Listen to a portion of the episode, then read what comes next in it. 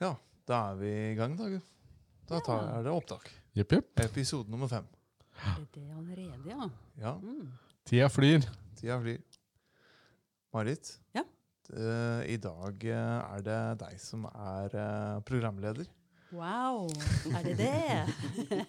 Visste du det? Har vi, pleier vi å ha programleder? Det hørtes veldig ordentlig ut. Mm, Ja, altså Det er eh, så bra programlederne vært eh, opp igjennom at du ikke har merka det. Men, eh, men nå, nå er det Nå er alle inne på deg.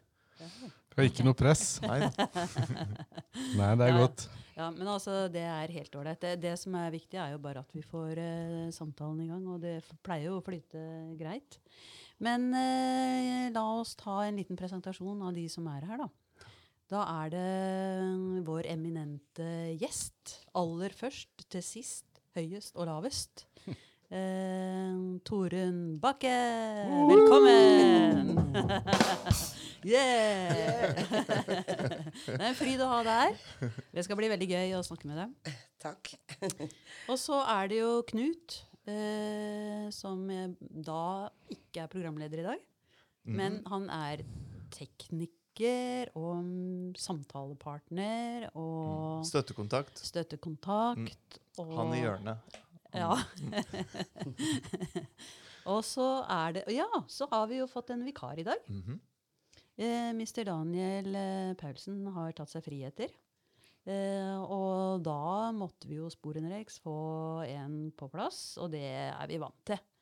At uh, Tore Setermoen er her. Det er altså, det er når noen svikter, så må man på en måte Vi må jo si det som det er, på et vis. Det er ikke det, det er pur svikt. Ja. Daniel uh, Paulsen han eh, er veldig opptatt av B13-saken, og det foregår nå en debatt på biblioteket mens vi gjør denne innspillingen. Ja, jeg var der. Mm. Han, eh, han kom hit, og så måtte han tilbake igjen, for han var så fyra opp. Så, sa- Ja. så fikk han vite at Tore skulle også komme, så da kunne han dra. Da sa han åh, da, da løper jeg tilbake igjen til biblioteket. Det er artig. ja, det, det, altså, han er jo utrolig engasjert i den saken her. Jeg uh, har aldri fått det helt samme engasjementet, men jeg var på møtet. Eh, og jeg syns jo at jeg har hørt mye av det samme nå i mange år, da, fram til jeg gikk. Men det kan jo hende at etter at jeg gikk, at det er da det virkelig begynner. Så, eh, men eh, Torunn, du driver jo i eh, Ikke i byggebransjen, det gjør du ikke. Men i eiendomsmeglerbransjen. Ja, det stemmer. Altså, hvis, hvis du tenker på f.eks. B13, da, som er et stort uh, tema for tida. Mm. Har du gjort deg noen tanker rundt uh, det, du? Eh, jeg har jo fulgt litt med, men ikke kanskje så veldig mye. Men eh, jeg må si i utgangspunktet så er jeg veldig positiv til det. Ja. Eh, veldig positiv til at eh, folk eh, ønsker å investere eh, i byen vår. Og faktisk kanskje, som jeg tror, vi forskjønner byen. Eh, og i det hele tatt generelt så er jeg positiv til det. Ja, Mm, mm. det er jeg. Ok. Ja, vi får, vi får se om vi tar oss og prater litt mer om akkurat den saken etter hvert. Men før vi kanskje graver oss ned i den greia der, så eh, Torunn, eh, eh, vi må jo prøve å få litt eh, kål på hvem du er. Det er jo, altså, I Kragerø så er det jo kanskje de aller fleste vet hvem du er, men det kan hende at det er noen som ikke vet det. Mm.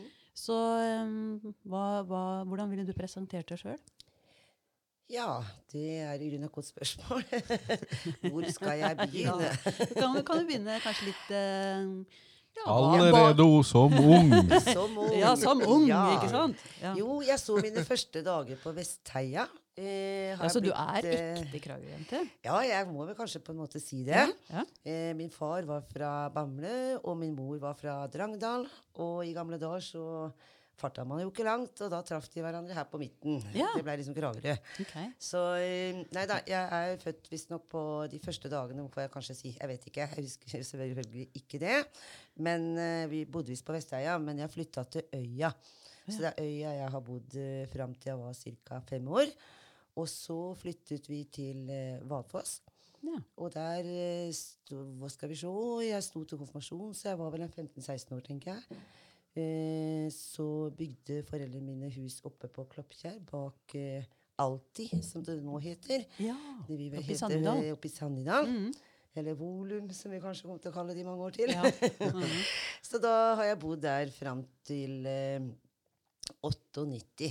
da ble jeg skilt, og så ja, ble det greit å flytte tilbake til Kragerø, da. Så nå har jeg bodd og bor på Tangøy i dag. Mm. Mm. Mm. Ja.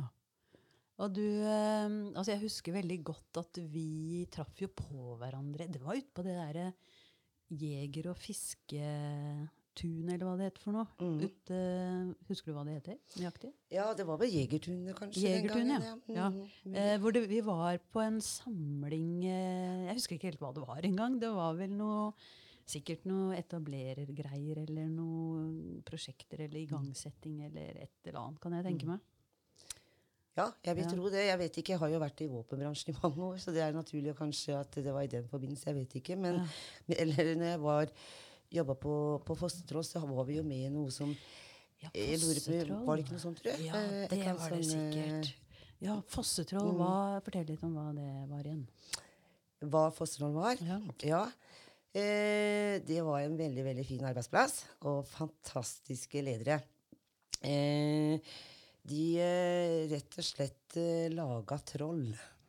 Eh, og han gründeren, da, også for så vidt samboeren Dette har jeg aldri hørt om før.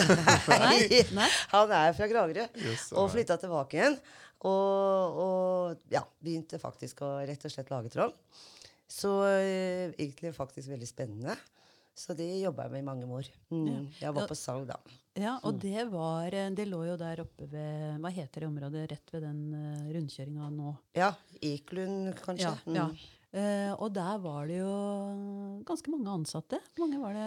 Ja, det var vi. Jeg husker ikke. Jeg tror Pina, vi var oppe i nesten 6-27 stykker eller noe. Ja. Ja. Som, uh, ja, det var jo stort sett håndlagde ting. Ja. Så det var jo ikke et troll der som var helt lik hverandre. Var det, er det, som- var det som pyntegjenstander? Leketøy, eller er det det? Nei, ja, kanskje litt, da. Men det var vel mer det at vi har jo Vi er jo alle født med et litt eh, Eller hørt om troll når vi var små. Altså, det er jo historie, eventyr, den type ting. Eh, og så var det retta veldig mye mot gave- og suvenirmarkedet. Det var jo det vi var mynta på, da. Så, så vi eh, Ja, vi solgte en del både inn- og utland. Så jeg farta en del rundt forbi også i utlandet og solgte troll. Så det var en liten utfordring, det, da. Men de syntes det var spennende. De er jo ikke noe spesielt fine å se på, men de, de syns det var spennende med troll. Ja, troll- med troll er troll. Troll er troll, og det er vel noe mer enn det norske kanskje vi har, egentlig. Mm. Og så etter hvert så kom det hekser også til trolla. Ja, vi fikk noen hekser også. Vi Mhm. måtte jo få litt på sortimentet med litt forskjellig. Ja. Ja. Så eh, hvor lenge varte egentlig den eh, bedriften der? eh? Ja. Mm. Jeg er ikke sikker. Jeg tror Nå må jeg tenke, da. Jeg begynner å bli gammel, vet du. jeg vi har begynt vel der kanskje rundt i 90 første gang. 91 og 90, tror jeg kanskje. Og da holdt de på fram til 2003. Ja. For det var da jeg begynte i banken og ganske kjapt kom i gang med å jobbe med eiendomsmegling. ja. Mm. Eh, så det var derfor det gikk ned og hjem med Trollfabrikken. Ja, nei, det var ikke det. Problemet var nok de her eh, lønningene våre som tok knekken på oss. Vi klarer ikke å konkurrere med Kina eller hva det måtte være som kopierte produktene våre. Vi satt jo der oppe og laga bare alle modellene våre bare i leire for hånd. Og så bare skapa vi modeller som vi da tok uh, avstøp av. Og så først noe som er modeform, og så da en annen type gipsform. da. Så kunne vi kanskje lage en 10-12 enheter, og så måtte vi kaste disse her også, og lage nye igjen, og Så, videre. så det var stort sett bare håndarbeid. Så ett sånn lite troll hadde vel en husker ikke 30-35 forskjellige operasjoner fra vi starta til det var ferdig. Mhm. Mm. Mm. Krevende prosess, på en måte. Ja. Jeg ser kanskje at det har et litt sånn problem i sånn moderne, sånn globalt perspektiv. Ja. Det er tøft å overleve. ja. Veldig. Det, det var jo lønningene spesielt, da. Vi klarte jo ikke å, å matche de med, med tanke på å produsere enheten. Så ble de kostbare. mm. Ja, så da begynte du i eiendomsbransjen. Ja. Eiendomsmeglerbransjen. Eiendomsmeglerbransjen. Ja, og da har du vært på samme stedet hele tida? Ja, det har jeg. Jeg var så heldig. De ringte meg fra banken, og så Krare Sparebank, som vi da het den gangen. eh, spurte om jeg ville begynne å jobbe litt eh, der for de. Og da hadde nettopp eh, Ronny Jørstad etablert et eiendomsmeglerkontor i banken. Eh, og det gikk jo rett til himmels fra dag én, egentlig. Så det var ikke så mange måneder han kunne være der, for han skjønte han måtte ha hjelp eller ha mer folk inn. Mm. Og da jeg, ble jeg spurt om jeg kunne få lov til å velge om jeg ville jobbe og, og mer mot han da, kan du si, enn i, banken. Og det valget var i grunnen ikke vanskelig for meg i det hele tatt. For jeg synes, Det er liksom salg som kanskje er min styrke, da. Mm. Eh, så jeg syns dette var veldig moro. Så jeg har vært veldig heldig, Ja, ja. Jeg har ikke, veien har bare gått seg til hele livet for meg. Jeg har Ja. vært utrolig heldig bestandig. Eh, og så, eh, så har dette utvikla seg, og nå heter det Aktiv, ikke sant? Mm. Aktiv, og, og så eh, Hvor mange er dere som jobber der nå? Nå er vi åtte. Ja. Eh, åtte ansatte. Og, eh, og dere omsetter for Ja, hvor mye er det? Det Ja, nå må vi få tallene i orden her. ja, de skal du, ja. ja jeg, jeg husker det pinadø ikke i farta. Jeg. Jeg husker vi har vel omsetter vel en, rundt en par hundre eiendommer i året, tenker jeg. Ja. Eh, hvis jeg så så kjapt på tallene før jeg dro Nå Ja, begynner det er kaffemaskinen å dure. Knut. Knut, maskina. Ja, ja, det var, åh, men det var veldig god kaffe, da. Jeg beklager. Men det var verdt det. Det var italienske bønner. Ja. okay. Men uh, vi lar oss ikke vippe opp pinnen. Ja, 200 eiendommer i eh, Ja, og, og noen av de er jo dritdyre. Ja, de Mhm. er de. Alt, fra alle, alle prisklasser. Ja. det er det. Så det er eh, Ja, nei, vi, det er, eh, vi selger jo mest boliger, vi da. Og det har vi gjort hele tiden. Mm. Så eh, jeg så faktisk på det i ettermiddag. Så jeg så at vi da hadde Vi har 66% av markedet i Kragerø på med boliger. Og så ligger vi vel mellom 35-40% på fritidseiendommer, eh, eiendommer da, kan du si, som vi har. Mm. Mhm. Så det er veldig bra, det, altså. Vi er kjempefornøyde. Vi er, har masse fornøyde kunder Ja. eh, og syns det er utrolig gildt å jobbe med. Mm. Ja. Ok, Og dere tjener fett. Ja, vi har til salt i grauten. Nei, vi har gått faktisk med plusstall fra dag én, egentlig. Ja. Ja, og så det der eh, samrøret, Forklar meg litt om det samrøret mellom eh, eiendomsmeglere og banken. Fordi at eh, dere, når dere selger eh, hus til noen, så soper dere de inn i den banken. Ja. Ikke sant? Så blir de kunder der, og så er det sånn utveksling. Altså Det må jo være noe av greia her, er det ikke det? Jo da, vi, vi, vi har et veldig godt samarbeid med, med Skagerrak Sparebank. Det må jeg si. Og Skagen bank, ja. det heter jo Skagerrak Sparebank. Ja, Skagerrak. Ja. Ja. Eh, ja, det er eh, veldig, veldig fint. Ja. Det er eh, altså det som er at vi samarbeider, ja. Og ofte at uh, folk må gjerne ha en del rådgivning og veiledning. Eh, på å si, eller hva jeg skal kalle det. Ja. Og det fungerer veldig bra. Eh, I hvert fall for min del, sånn som jeg jobber, i fall, så er det ofte det at folk de kanskje er i tenkeboksen. De lurer kanskje ofte på om de skal etter hvert kjøpe noe annet. Eh, og når du kommer litt innpå folk og snakker med dem, så er det faktisk ganske mange som kanskje Og det forstår jeg veldig godt, at ikke de egentlig helt eh, kanskje er klar over hva er det egentlig, egentlig dette her vil koste de. Hvor mye vil det koste meg hvis jeg, om jeg kjøper en eiendom i måneden osv., eller hva det måtte være, låne det. Eh, Jeg reiser med de hjem og verdivurderer den eiendommen de har. Og så tar jeg også ofte med de med i møte i banken. For de syns dette er litt skummelt. Og så tror jeg rett og slett de føler seg dumme. Og det er de jo ikke overhodet. Men Å, de vet, ikke, de vet ikke hva de skal spørre om. Eh, tror jeg. Jeg tror de Ja, syns ja, det er en sånn, det er en sånn gråsone der som ikke blir prata så mye om. Som jeg syns er veldig hyggelig å hjelpe folk med. mm. Veldig moro. Så Det er, jo et, det er jo et helt fag, det å kjøpe og selge bolig. ja. Så det er, det er ikke rart. Man, det er, jeg har eh, gjort det en, eh, to ganger i mitt liv. Og jeg er blitt 42, så jeg kan, kan ikke si jeg er blitt veldig sånn bevandret nå som jeg har gjort det to ganger. Hvor mange, det, hvor mange ganger er det egentlig vanlig å kjøpe og selge i løpet av et norsk eh, liv? Du, det var et veldig godt spørsmål, men det vet jeg faktisk ikke. For jeg syns vi selger himla masse eiendommer i lille Kragerø. Nesten som i Gjerstad i gamle dager. Jeg solgte de samme hesten jeg vet ikke hvor mange ganger. Det er liksom litt sånn. Så det er akkurat hvor mange snitter snittet sånn på norgesbasis ja. Men har du gjort deg noen tanker om hvorfor vi driver og flytter så mye? Hva er det med oss? Nei, Skilsmisse.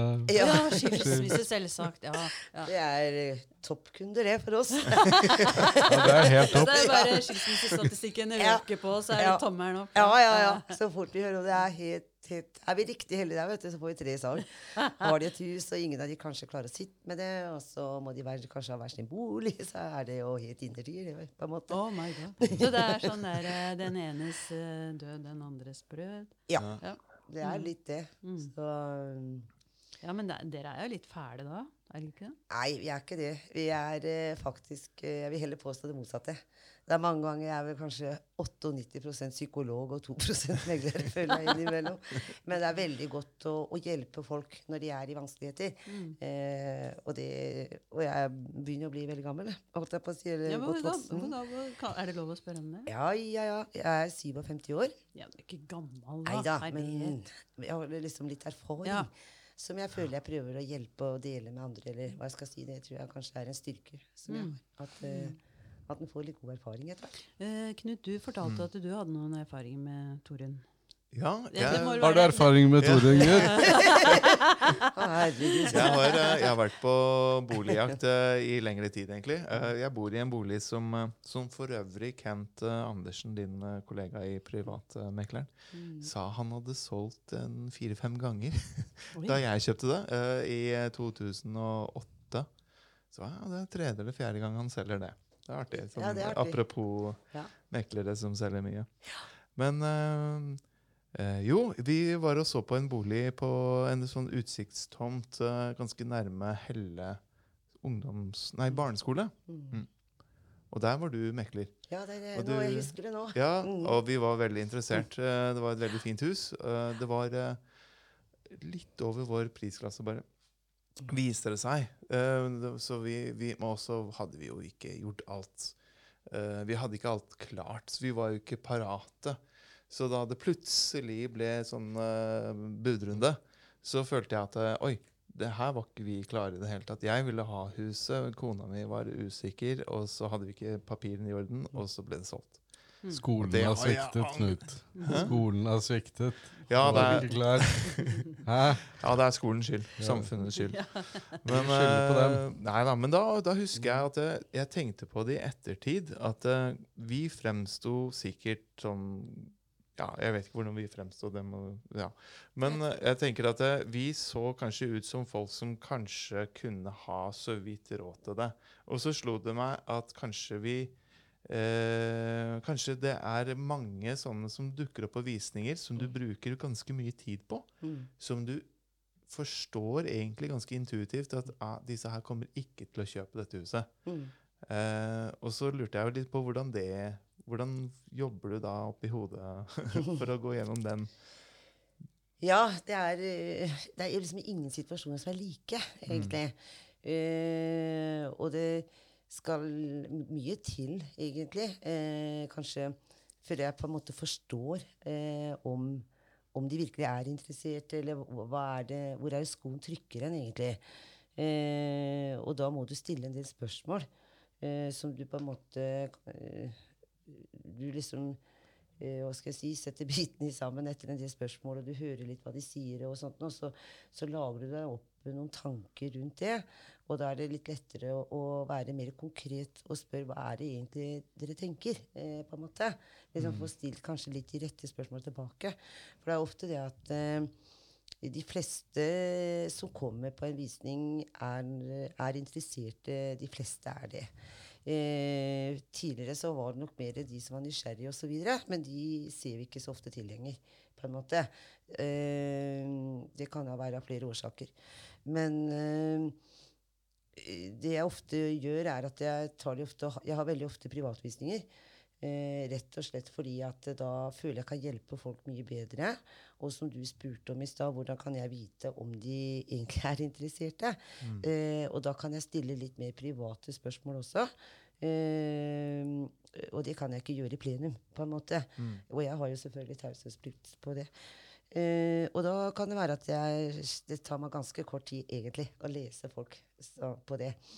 Eh, og da kan det hende at det kanskje at de er noe de kan ha ønska seg, men de har ikke vært i bank, og så har de kanskje ikke eh, som du sa i stad, kanskje ikke egentlig nok forberedt, for det er det veldig mange. Du er veldig normal, Knut. Det er helt vanlig. Du er veldig normal, Knut.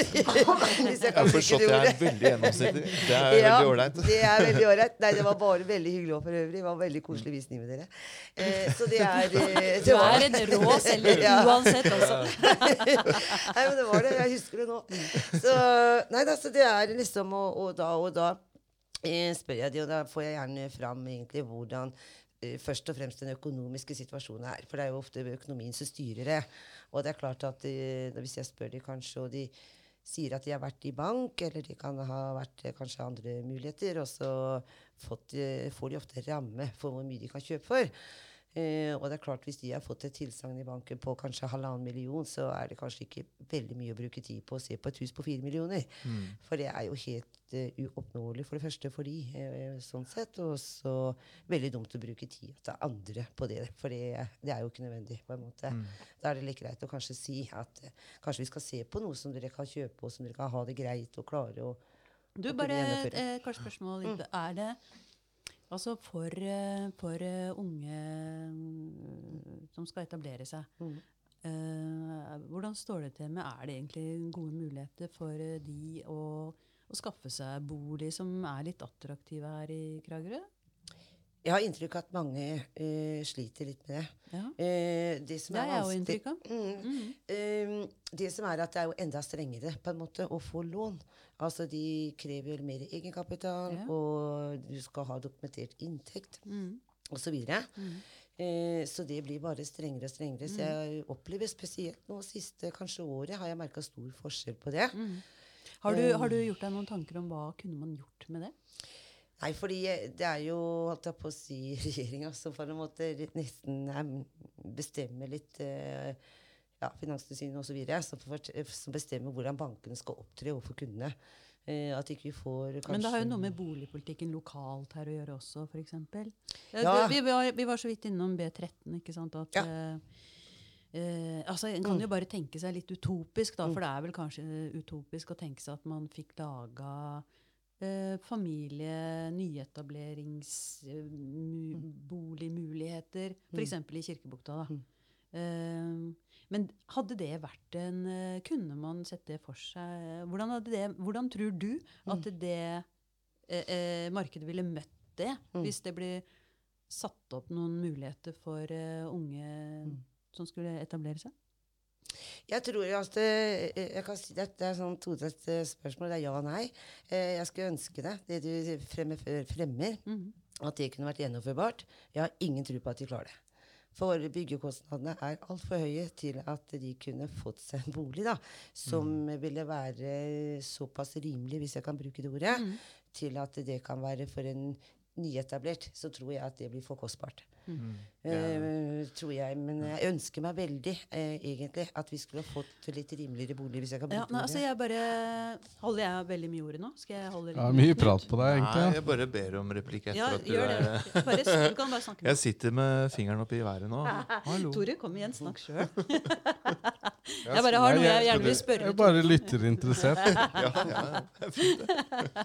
Ja, men da skyter jeg inn, siden du bare er flirer. ja, absolutt. Men jeg har oppdaget det, for dette, vi har sett på det å bygge også, at det er faktisk ganske billige tomter å få kjøpt her i Kragerø. Mm.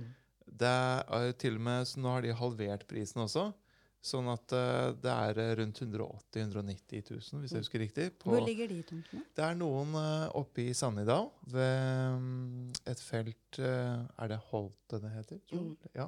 Og så er det oppe i Vesjon og Lindtvedt Ja, akkurat. på toppen Mm, der. Så jeg tror det blant annet er det. sikkert noen som ser fine ut, Mm. altså. Mm. Men så er det det at du kan kjøpe den tomta, da, men så må du faktisk ordne eh, grunnen. Så da, det må sprenges muligens, det må fylles opp med masse. Eh, det som er gjort på forhånd, er at det er en vei dit. Mhm. Og så er det sånn at du kan koble på strøm. Og det er, eh, jeg tror vann og kloakk og sånn er på en måte ført langs med veien, så du kan koble deg på. Mhm. Men ellers så er det jo naturmark. Og da det er det ganske heftig med kostnader bare å gjøre ting bredt Mm. for eh, og så legge en sånn såle som da huset skal bygges opp på. Og så er det ytterligere en sånn 3-4-5 millioner kroner da, Mm. til eh, en byggherre. Mm. Og det, det- for et nytt hus Ja, ikke eh, sant? Det, på men det er for en 150 til 200. Ja. Men, men det, det, det som jeg tenkte jeg ville spørre deg om, Torunn For det um, Jeg bare leste en liten artikkel av Knut Olav Åmås, som er opptatt av eh, byutvikling i Oslo. da. Eh, hvor det er ganske ville priser, ikke sant? og særlig for de som skal inn på markedet. Mm. Og han, eh, ikke bare han, men altså flere foreslår at når utbyggere skal bygge ut La oss ta f.eks. i Kirkebukta. Mm. Så eh, må utbyggerne være forplikta på at en viss prosentandel av leilighetene skal være innenfor en ramme hvor de unge nyetablerte kan klare det.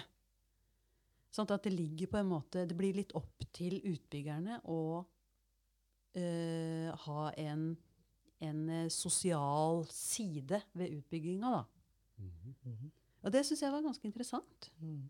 Fordi det er jo helt tydelig, siden det er så mange som er i dette markedet, eiendomsmeglere, utbyggere, sikkert eh, altså en bråte med andre, Mm. som eh, tjener masse penger i dette markedet, så er det en ålreit måte at de på en måte gir noe tilbake ved å, å redusere på noen eh, kostnader for, sånn at den nyetablerte kan komme inn, som trenger et sted å bo, som er ålreit, og hvor eh, barna kan bo og vokse opp. Og man får levedyktige, litt, eh, litt sånn pluralistiske samfunn.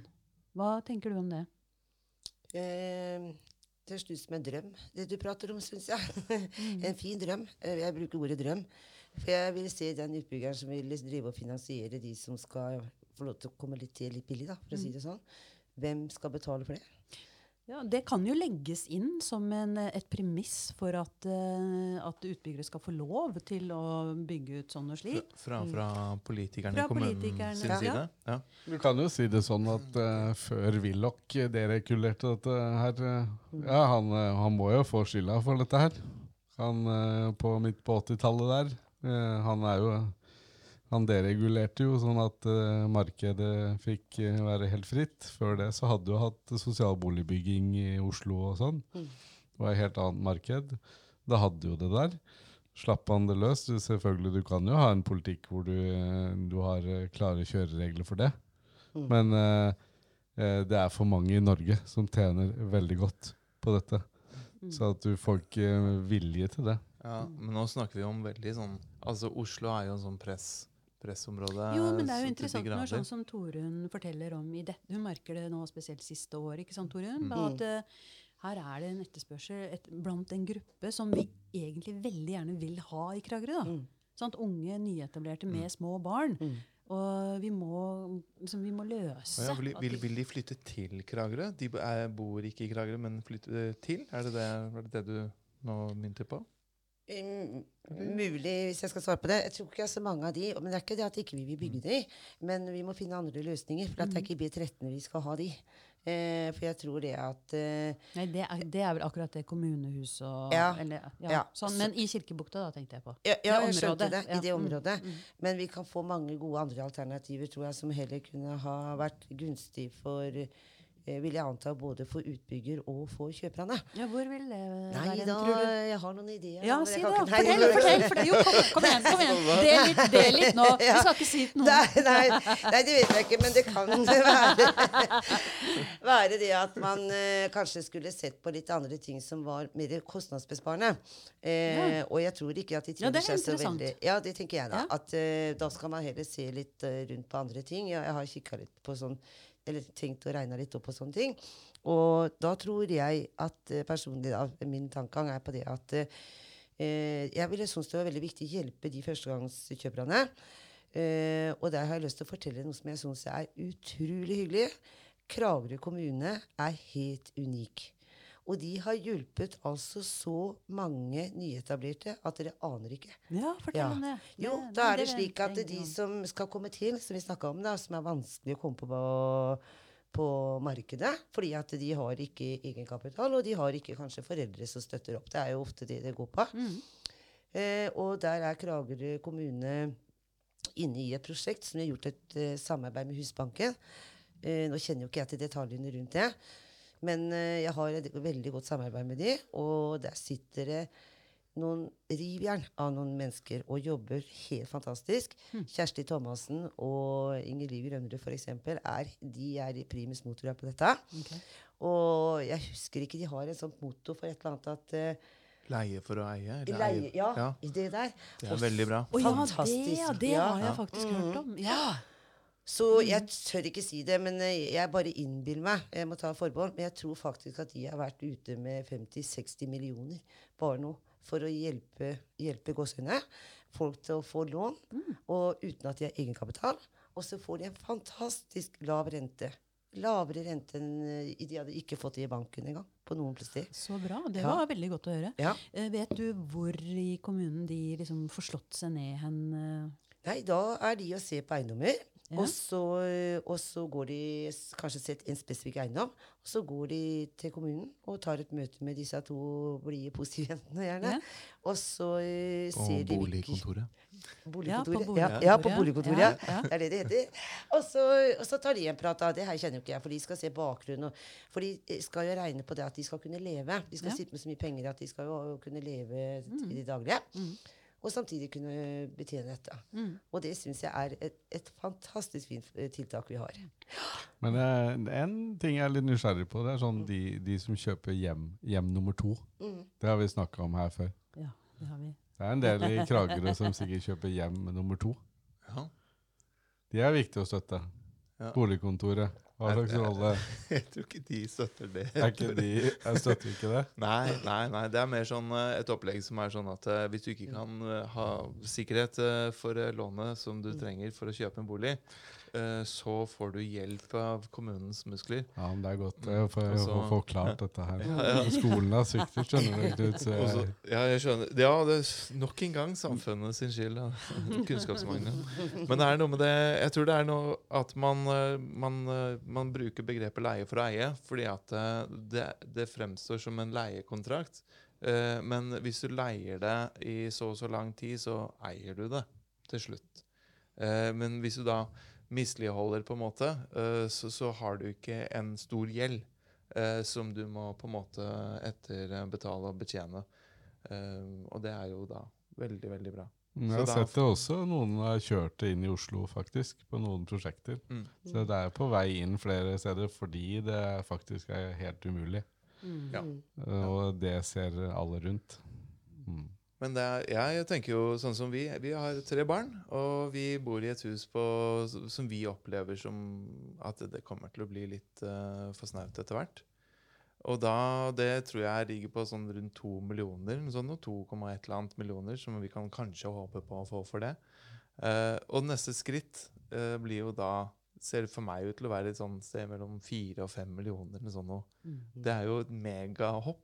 Jeg kan ikke skjønne hvordan vi skal greie det. Det går ikke, Knut! Nei. Det går ikke. Så vi har vurdert liksom det å bygge ut og alt mulig rart. Bygge ut eh, 40 kvadratmeter på siden og ut på den ene eller andre veien. Men det koster jo en million, halvannen det òg, så dermed så er vi jo nesten like langt. Eh, Så jeg syns jo det boligmarkedet det trenger en eller annen form for eh, restrukturering. Et eller annet må gjøres, sånn at vi kan på en måte få bygd eh, rimeligere, men større eller bedre. Altså, jeg vet ikke helt uh, om det skal være bedre. Uh, jeg bor i et 1970-tallshus, og jeg syns det er helt supert. Og så forstår jeg det at uh, hvis man skal bygge et nytt et nå, så er det hus som nærmest ikke puster. Altså Det er så hermetisk lukket og tett at man må ha sånn ventilasjonsanlegg. Eh, noe som for meg virker ganske fremmed, som har vokst opp i, i helt andre hus. Så da, da det det er en sånn eh, på en måte, går det, an, går det an å hoppe litt skritt tilbake og si hei, hei, hei, det funka faktisk de husene fra 90-tallet òg. Altså. Kan vi ikke bygge noen av de, og så koster de kanskje litt mindre? Mm. Eller eh, tar jeg feil her, tror du, Torunn? Jeg tror du tar feil, for at, uh, jeg, jeg håpa ikke det. For jeg er helt enig med deg. Bra. Eh, ja, veldig. Og også, for å si det sånn, av flere årsaker. Men, men eh, det er, er nå engang sånn at det blir jo satt noen lover for hva som skal til Mm. for å bygge. ikke sant? Eh, og de krava de er de veldig hyppige til å komme stadig nye krav. Og det er utrolig kostbart å bygge nå, etter de siste forsk eh, forskriftene som er kommet. Så det tar jo stakkars nesten knekken på en stakkar. For jeg hadde jo håpa, for vi har jo ikke hatt mye utbygging her.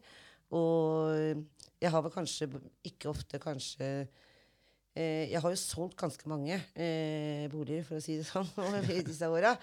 Eh, Du, og du har solgt de samme boligene mange Ja, ganger. mange ganger, ja. Jeg selger nybygg, da. Har du en rekord? Sånn Eh, apropos? Ja, jeg husker ikke. Jeg, ja, jeg har noen rekorder, ja. Jeg husker, ja. Jeg har det. Har ikke du, har ikke du blitt uh, sånn eh, ut, utropt til Ja. årets selger og sånn? Har du ikke det? Jo, Flere ganger. jeg har, Flere ganger? eh, Ja. Ja. Blant annet, eh, det er en pris som er sånn, henger litt høyt hos oss. Det er Ja. en KTI, eh, som altså er kundeindeks Nei, hva heter det? Kundetilfredsindeks-regulert, holdt jeg på å si. Ja. Det betyr at når vi selger en bolig, så blir det sendt ut en mail til kjøper og selger som skal evaluere oss. Da har jo ikke vi noen mulighet for å påvirke de. Og så svarer de på de som vil være brydd med det. Svarer på disse svarene. Og så ut ifra det da, så får vi jo et score da kan du si som er 100 er jo det beste. Og den eh, har jeg vunnet og vært best i Norge da, på ut av alle i, i aktivbransjen, altså, for å si det sånn. da. Men jeg har ligget veldig høyt der. Ja. Oi! Ja. Skal vi trykke på Skal jeg prøve en Vi tar den. Men har vi ikke noe flere her? Bravo! Nå begynner det å bli skikkelig avansert, Knut. Ja, ja, ja, ja, vi tar noen steg hver Ja, gang. det er kult. Nei, men det, det er veldig kult da, Torunn. Du er jo helt Altså, du må jo være fantastisk flink til dette her. Nei, Det vet jeg ikke, men jeg elsker også Jeg er litt sånn konkurranseinstinkt med meg, tror jeg. Og så er det at jeg syns det er veldig moro å jobbe med mennesker. Mm. Eh, og så syns jeg det er veldig moro å ha noe strekk med til, altså salgsmål eller type ting. da. Eh, alt sånt noe. Det er Det jo dritbarnslig, vet du. Ja, ja. Jeg elsker jo det. Ja. Så, så, så jeg syns jeg har vært veldig heldig å få lov til å jobbe med det jeg liker veldig, veldig godt. Og vi har et veldig godt arbeidsmiljø. Mhm. Eh, og i det hele tatt, da, så alt ligger liksom til rette for det. Og jeg har anledning til å kunne jobbe ganske mye. Jeg har ikke barn. Og har disponert fritida mi, eller tida mi akkurat som jeg måtte ønske. Så jeg er jo veldig heldig, da, som eh, kan bruke tida mi på det jeg aller helst vil. Mm. Um, før vi går over på å undersøke litt hva du ellers driver på med i livet, så uh, tenkte jeg kunne spørre om uh, Det vet kanskje dere også.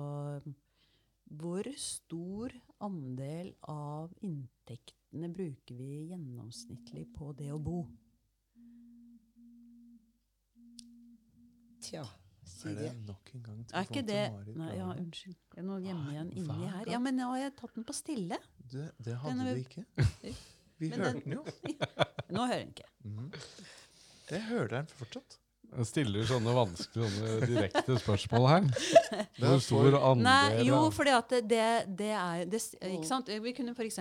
spurt om hvor mye penger av inntekten bruker man på mat? Mm. Altså bolig og mat, og det er noen andre ting som er veldig viktige for oss. Mm. Ikke sant? Så det å bo, eh, det vil jo si noe om samfunnet vårt. Og så, og så tenker jeg på det og det at vi er jo et kredittsamfunn. Altså vi lever jo på lån. Før, i riktig gamle dager, så var jo det utenkelig. Altså man uh, tok ikke opp lån på den måten som nå. Uh, og med, med renter og, og sånt noe. Uh, så så det, det på en måte den livsstilen, den væremåten, den binder jo oss opp til dette samfunnet, da, som, som det kanskje kommer en del reaksjoner på nå. òg. Jeg så en overskrift nå eh, forleden at det er harry å og eh, f.eks.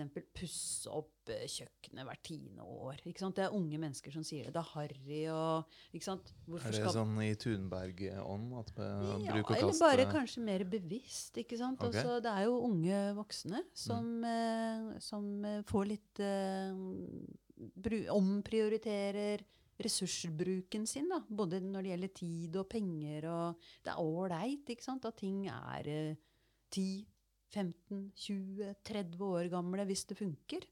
Så den der eh, hysteriske oppussingsfasen som vi har vært eh, inne i, at den er kanskje i ferd med å endre seg. Jeg vet ikke, jeg bare kaster det ut. eh. har du noen følelse med det, Tore?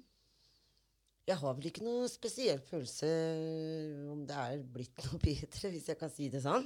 Eh, vi bruker jo, vi ligger veldig høyt i Europa, vet jeg i hvert fall. Sånn gjennomsnittlig til puss og pus, så tror jeg vi topper nesten de fleste lister, tror jeg. har lest. Ja, jeg har lest noe Ja. sånn eh, tilsvarende. Mm, Så jeg syns jo det er jo helt vilt, egentlig, mange ganger, når jeg ser hva folk gjør. Fine, kanskje, som du sa da, Marit, at de har kanskje et kjøkken som jeg for mitt, i- for mitt, fra mitt ståsted hadde kunnet levd veldig godt med, og er veldig fint. Og så er det kanskje litt sånn motesak at eh, nå er ikke det på mote, og så skal de bytte. Og så er de i gang, og så pusser de opp med nye ting, og så Ja. Og det er klart, dette koster. Eh, ikke lite heller, egentlig. Og så har jeg inntrykk av det, for det blir man spurt om når vi skal låne F.eks. når du går i bank og skal låne til bolig. Du spør hvor mye er det vi bruker av pengene våre til det. Nå er jo inntektene veldig individuelle, selvfølgelig, og sånn, men, men det de ser på, er hva koster det å f.eks. se på en spesifikk bolig. Og da er det først og fremst hva koster det å låne disse pengene. Og så har de, går de gjennom nå med kundene sine, og så setter de opp et budsjett med kundene.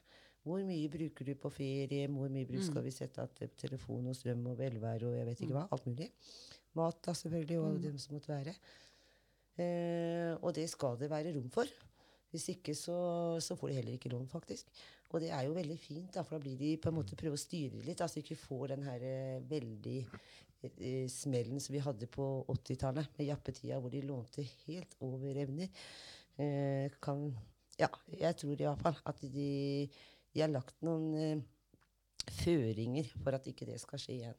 Men eh, vi bruker veldig mye penger. Så eh, det gjør vi nok på å bo og leve, ja. Mm. Vi bruker jo veldig lite på mat i forhold til uh, hvis du skal sammenligne med, med inntekten.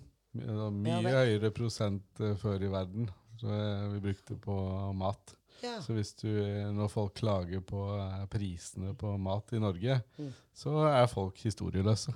Mm. Ja, Det er det det. er jo Ja. fordi at eh, det går så mye av den Grandisen. det. Den er jo dritbillig Nei, og veldig du- vond nei, og det- dårlig. Grandis Marit Laland. Det er lenge siden jeg var inn. Det Er ikke det Vet du hva, jeg husker dere hun, hun som var så dritgod på, på radio eh, og på TV, hun eh, eh, Kom igjen, hjelp meg nå. Hun eh, Er Du det må bare gi oss hun? litt mer å gå på nå. Ja, ikke sant? Hun var Det er i en dame, Dagsnytt hun var på radio og 18. TV. Hun var veldig flink til å intervjue folk og debatter. Og så ble den inn i Underholdningsavdelingen. Kom igjen, dere vet vel. Anne Kari Grosvold. Slottsveien, liksom? Nei, Anne Grosvold. Anne Grosvold. Takk, Torunn! Det må damer til. Ja, eh, woo! Nå må du trykke. Å, Oi! Ja. Det var bra, altså. Ja, oi, oi, du har tråkket- ikke tråkket på ledningen, Tore.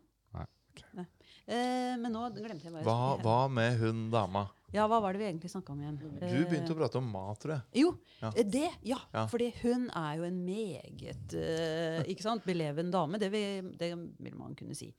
Og, men hun bor aleine, og hun forteller det at på julaften da drar hun hjem til sin Grandis.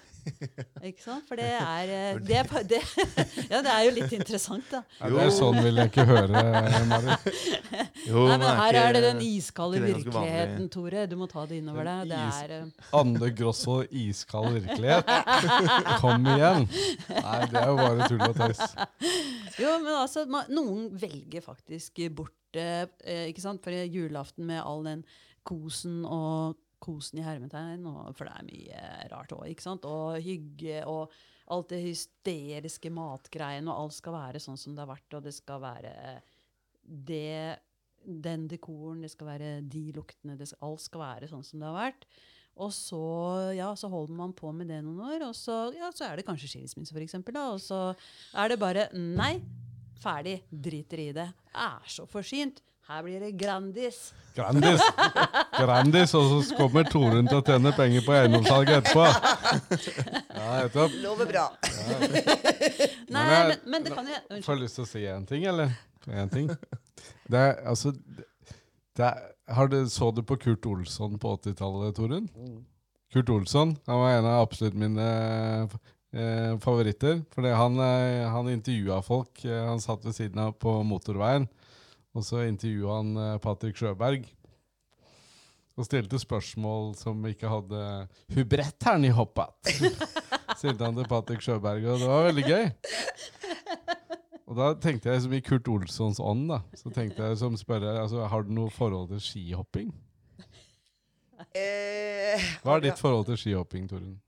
Nå tror jeg dere har hørt noe som dere skal ha ut av meg. Er det det, eller er det Nei, fortell, fortell. Nei, altså jeg, var, jeg har jo kanskje vært litt sånn guttejente litt fra jeg var født oppimellom. Og så hadde jeg et lite veddemål med ei venninne her for en, ikke så lenge siden. Jeg husker ikke, ja, fire-fem år siden nå. Og da var det et gubberenn. Altså det var skikkelig hopprenn. Som de kommer fra hele Telemarken og rundt forbi. Eh, og det er gjerne litt voksne mannfolk som ofte stiller der. Eh, og det her var oppe i kroken. Så hadde vi sittet en kveld og hatt et litt lag. Og jeg igjen, det er konkurranse, kan du ikke lære. Og så sa hun at eh, jeg skal vedde på at ikke du tør å hoppe i den hoppbakken. Jeg, Torunn, sa hun. Og så oh da blei det et par vinglass til, og så kom motet opp og sa OK, skal stiller du, så stiller jeg. Oh, Og det gjorde jeg. Så da stilte jeg opp med hoppski, splitkein fra 1969, og greier og greier. Og ja, var med og hoppa i gubberenn i kroken, ja. Mm. Det er nydelig. Oh. Nydelig. Men som, som eiendomsmegler, da, så er jo det Altså, det er en Hvis du skal, altså som skihopper Det er jo viktig Hvis du hopper litt seint, så vet jo alle skihoppere. Og da lander du på kulen. Mm. Og har du opplevd det som eiendomsmegler, å lande på kulen? Ehm, Eller har du bare hatt eh, eh, Kom og kjøp av Torunn uh, iFix Bare eh, bare medgang? Lande, Lande, lande ved K-punktet. Ja, har du liksom bare flydd Matiniken en bakke? ja, nei, men det er et godt spørsmål. Jeg prøver å gå ordentlig i på meg sjøl her, men jeg, jeg har nok eh, ikke landa på kulen, nei. Jeg har vært, eh, for å være ærlig på det, da Jeg var jo veldig heldig, egentlig, skjønner du, for at eh, når jeg begynte å jobbe med dette, så var det ikke krav til noe utdannelse for å være eiendomsmegler. Er det noe krav til utdannelse nå? Ja, nå er det det. Nå må du være, ha utdannelse som eiendomsmegler, og det betyr at du må gå tre år på høyskole på BI, og, og ytterligere to år i praksis faktisk også etterpå. Men så, når det her ble gjort om det her kravet om de tingene, da, så ble det en sånn mellomløsning for oss som hadde jobba som meglere. Men da måtte vi ha vært innom og jobba med alle ting innen eiendomsmegling i minimum fem år. Seks, fem eller seks år, tror jeg det var. Og det hadde akkurat jeg vært. Jeg har vært i en valgsmål. Jeg, hadde bare, jeg bare satte meg ned og begynte. Jeg, var helt vilt. Jeg tenkte herregud, hvor får jeg det motet mitt fra? Men det var jo utrolig gøy å jobbe med. Og jeg har som sagt eh, ikke vært i nattkulen. Jeg har ikke det jeg, på noen måte. Men da, så veien gikk seg til, og så tok jeg disse fagene ved siden av. Og så kunne vi da søke Finanstilsynet og megle brevet, og så fikk jeg det òg. Så jeg kan fortsette megle. Hvis ikke så måtte jeg slutta med det. Mm. Men, Så- men, eh, men du har hoppet i i en fysisk hoppbakke også. Jeg bare lurte på hvordan gikk det?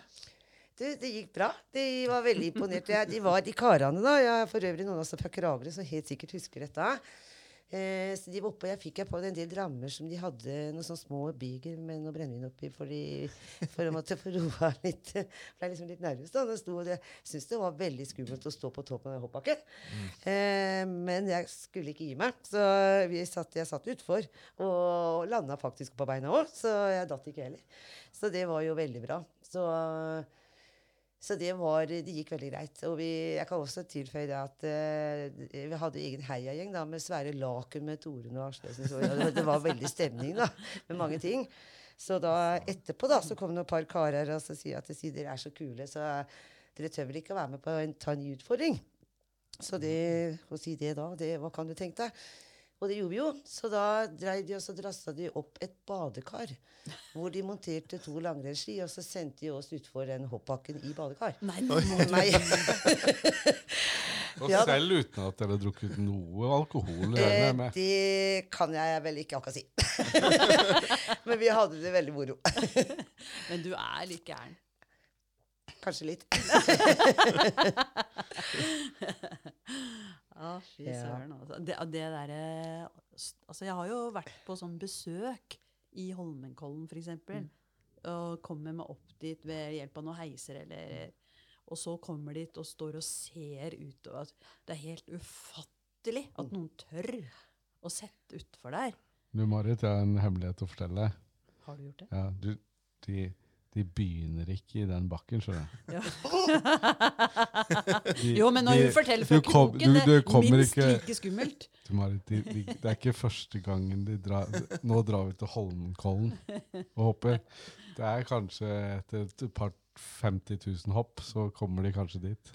Ja, ja, jeg skjønner jo det, da. Men også. Og det er kanskje sånn man på eiendomsmegler, så er man eh, Man får rutine ved å gjøre mye, da.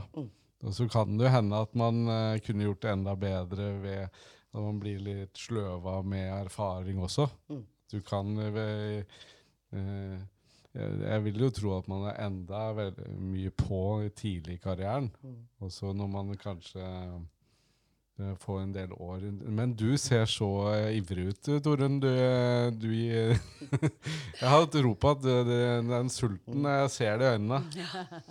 Jo, jeg skal si deg en ting. Jeg har nok litt andre erfaringer som jeg har eh, tatt med meg på laget. Eh, og jeg er helt enig. Når du gjør det bra, så er det veldig vanskelig å motivere deg og virkelig være like sulten. da. Eh, men det har vi vært hele tida. Det har jeg vært bevisst på fra dag én. Eh, å være. Og jeg har også vært med og jobba og vært med å starte opp en ganske stor bedrift eh, som heter Jakt og friluft, som jeg har jobba for. Eh, og de har overtatt en del agenturer som jeg jobba med, som jeg hadde her tidligere osv. Eh, og de ekspanderte noe så helt inn i gledens eh, fort. Og der snakka vi. Der er vi inne på det vi snakka om. Eh, og det har jeg tatt litt lærdom av. altså Mange erfaringer rundt det. Og, og det gikk da det at eh, det er veldig sunt med konkurranse. Eh, og vi var nok veldig heldige på det tidspunktet vi kom inn, skjønner du. For at da lå de litt nede på ABC-senteret, eller hva det hette den gangen. Eh, Midtgårdopptun var jo veldig godt etablert, blant annet, videre. Det var helst de som var på banen. Eh, ja, og sånn. Så vi kom nok inn på et veldig godt tidspunkt for å, å sette i gang, da, og klare, klare å gå eh, etablere oss såpass bra på kort tid. Og så har jo liksom bare det her eh, gått en, opp til værs, holdt jeg på å si. Men vi har aldri ligget og flyte på det at vi har eh, Det har vi vært veldig bevisst med. Det, det snakker vi om. Vi tar det opp i temaet. Vi møtes hver uke. Vi prater om de tinga. Og nå så har vi jo vi har veldig god, altså vi har konkurrenter nå. altså Privatmeglere er kjempeflinke. Eh, Opp. Du er ikke så flink som dere. jo, de jeg kom, har jo jeg jobba med, for de har jo vært og jobba for oss. også. Så de er, men det er veldig kjekke gutter, og det er de andre også for øvrig. Men det er sunt. Vi skal ha konkurranse. Vi skal ha konkurrenter. Det er bare med og skjerper oss. Rett og slett. Det er veldig sunt altså, å ha, ha den konkurransen. nå vil jo DNB etablere seg, altså, ser jeg. Jeg så det. Det er, det er plass til de òg, tenker du? Nei, de tror, jeg tror ikke det. De skviser Nei. de ut. Ja, nei, jeg tror ikke Det var rart. ut. Men det, vi er såpass, vi har så store markeder. Det er klart, det, det er sikkert umulig, men jeg, jeg personlig tror ikke at de har eh, At det er nok marked til, for, for de, rett og slett. Og så er det det at Kragerø er litt spesielt, fordi at eh, vi jobber ikke helt som de andre meglerne gjør i Oslo osv. For, for eksempel. Vi har en litt annen kultur. Og så er det et must at man er lokal Mm. og er, har lokalkunnskap. Å få tak i lokale meglere, det er veldig vanskelig. Så det er en av de største utfordringene vi har. Ja. At du er, bor og er kjent på stedet, det har, har veldig mye å si. Men ehm, ehm, altså, nå har vi snakka mye om uh, meglerbransjen. Og så har vi vært litt inne på skihopping. Men eh, Og ja, du nevnte jakt og fiske. Er det det som er eh, et tredje område du er interessert i? Ja, for guds skyld, ikke si at hopp, og hoppe i hoppbakken er noe for meg, for det er bare en engangssak. Eh, ja, det, eh, det er det. Eh, jakt for meg har vært eh, nesten hele livet mitt. Jeg har Hva er det du jakter på? Alt mulig. Stort sett på fire bein. Nei da. Eh, det er eh, Jeg jakter på veldig mye. Det jeg gjorde helt fra jeg var bitte lita, for å bare starte var, Jeg vet ikke hvorfor jeg har fått den interessen, men eh, helt fra jeg var bitte lita, satt jeg hjemme og spikka pil og bue og sånn, og faren min han drev med harejakt. Men eh, den jentungfila fikk jo ikke lov til å være med, vet du. Det var ikke noe for jenter. Og jeg grein og masa og grein og masa, og så fikk jeg grine meg til et par turer når jeg blei litt større, og fikk lov til å være med på harejakt. Og så når jeg var eh, gikk et år på yrkesskolen på noe som de kalte for husdelinja, eh, så begynte jeg, fikk jeg sommerjobb hos noe som heter Henico. Eh, sportsforretning her. Og de drev også med våpen. Så hadde jeg sommerjobb der. Jeg visste ikke hva jeg skulle bli. Jeg var veldig umoden. Jeg visste ikke hva jeg hadde tenkt å bli, liksom, eller utdanne meg, eller hva som helst. Så jeg tenkte jeg kanskje burde søke folkehøyskole eller noe sånt, da, bare for å bruke et år og finne ut hva er det jeg egentlig ønsker med livet mitt. Så kom han Nikolaisen bort og sa at det bør ikke du bruke huet ditt på, sa han, fordi at du skal være her, du, Torunn. Du, du, du skal være her hos oss, du. Du skal jobbe her, du. Det er ikke noe å lure på, det. Og det gjorde jeg. Det var i 1979. Var det vel? Og da begynte jeg der, og øh, han skjønte fort at jeg syntes det var moro det med børser. Og de, vi solgte jo våpen, og da måtte vi ha de reise ofte opp til Krokheia, og så måtte vi skyte våpenet for kunder osv. Og, så og jeg fløy alt jeg, jeg elska jo etter å få lov til å være med på dette. Så det fant han jo fort ut, og han var skikkelig oppegående, den karen. Så, så sa han at har du lyst til å Du skyter jo så himla godt. Og jeg skøyt jo veldig mye. Jeg elska å ligge oppi der og skyte. Så fikk jeg lov til å være med da. Så da var jeg med og fikk lov til å være med på elgjakt. Eh, det var i 79, da var jeg 17 år. Og skøyt min første elg. Mm. Og reinsdyr. Hvordan opplevde du det? Ja, det syns jeg var stort. Veldig moro. På en positiv måte. På en positiv måte, ja. Mm. ja. Veldig. Og gikk i god skole, og det var ikke noe kjære mor. Da måtte jeg bomme og ta hele føyka sjøl og lære, og jeg syns det her var grusom moro. Mm. Så siden da så har jeg jakta hvert år. Så i år har jeg 40-årsjubileum. Jeg har jakta elg i år, gjort og reinsdyr i 40 år i år. Oi, gratulerer! Hei, nå må trykke på. ja, Ja, nydelig. oi. Det, det er litt spesielt, for det er ikke så mange jenter. vet du. Så. Nei, det er vel ikke det. Nei, det er, det er veldig mange jenter nå, og det kommer bare flere. Men den gang jeg begynte, så var det veldig, veldig spesielt. Så jeg har gjort det, og så kan jeg godt fortelle at jeg Mye rart, jeg. Eh, I 98 da var vi ni jenter som eh, kom i sammen. Jeg har eh, en god venninne som bor på Vegårshei, som tok initiativ til dette. Og hun hadde sett meg, for jeg jobba i våpenbransjen og på Villmarksmester og alt som var. For jeg drev og importerte eller vi da, jeg drev og importerte eh, masse våpen og utstyr. Kikkerter som vi hadde agentur for i Norge. Så vi solgte angro og reiste rundt. Så ja, ja treffe hverandre litt sånn. Så historie kort på det. I 1998 reiste vi som første gang i norgeshistorie. Ni jenter til Afrika og jakta og reiste på tur. Og det syns jeg var gøy. Så det Hva jakta dere på der? Eh, litt forskjellig. Jeg skøyt eh, Når jeg var nede, så skøyt jeg eh, ja, det var det var der, Vortesvin og doiker og impala og også en sånn kudu. De som har de flotte, sånne fine horna som dere kanskje husker. Sånn, Mm. mm, som er ganske stor. Mm. Så det skøyt jeg når jeg var der. Mm. Mm. Første turen. Har du vært tilbake? Ja, jeg har det. Vi, jeg har vært eh, tre ganger som jeg har vært nede, men hun eh, eh, Venninna mi, hun Wenche Eimhjellen, hun driver profesjonelt og har et firma som heter Mamma Afrika, som er helt unik og gørrflink på dette her.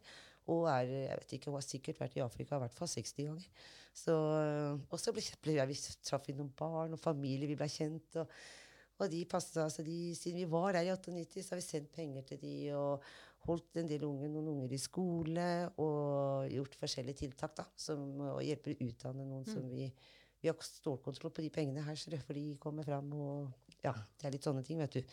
Så det har vært veldig hyggelig.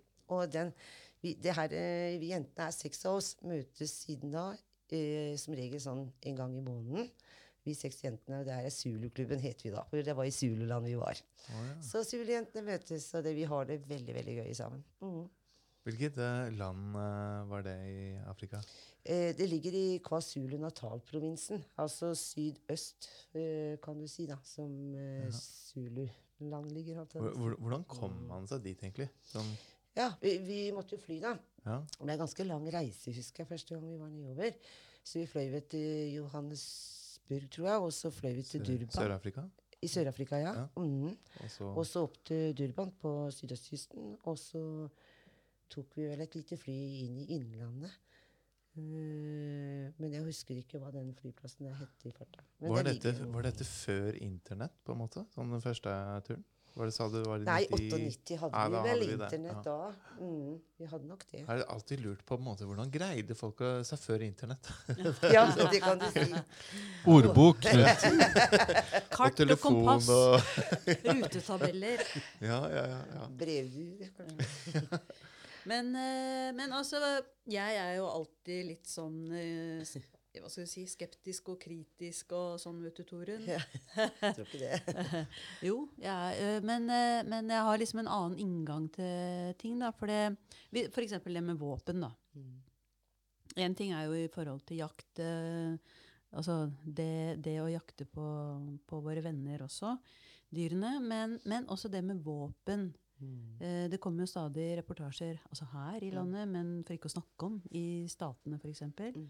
Hvor, eh, har du noen eh, tanker rundt det med Det har du sikkert. Med våpen og våpenbruk og, og sikkert sånne lisenser og masse sånn som ikke jeg har peiling på. Tenker du på anskaffelse av våpen-type ting, eller hva tenker du? Altså jeg tenker at våpen er jo Det er jo en farlig ting. Sånn, ja. Mm. Ja. Eh, det er, eh, jeg syns egentlig at vi har det veldig trygt og godt i Norge. Eh, der er det jo krav til å ha Når man eier et våpen, så må man ha det i, i låsbare skap osv. Det er jo blitt lovpålagt å ha. Det er ganske strengt regulert. Ja.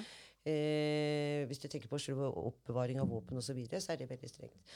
Og eh, når det gjelder bruken av våpen, så er det også veldig strengt.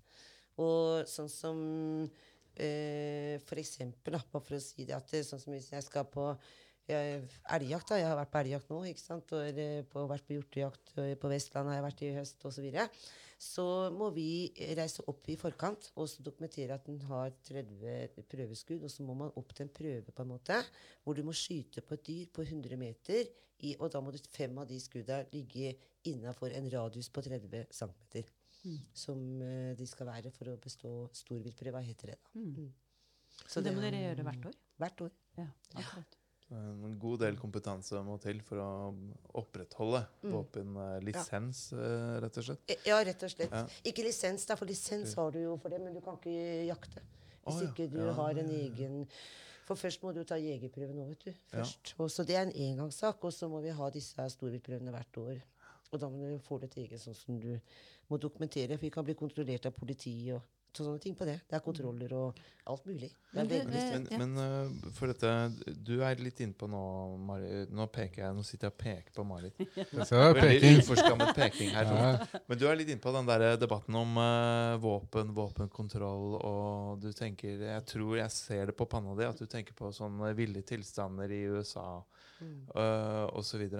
Men jeg mener å ha lest at i Norge så har vi flere våpen per innbygger enn det fins i USA.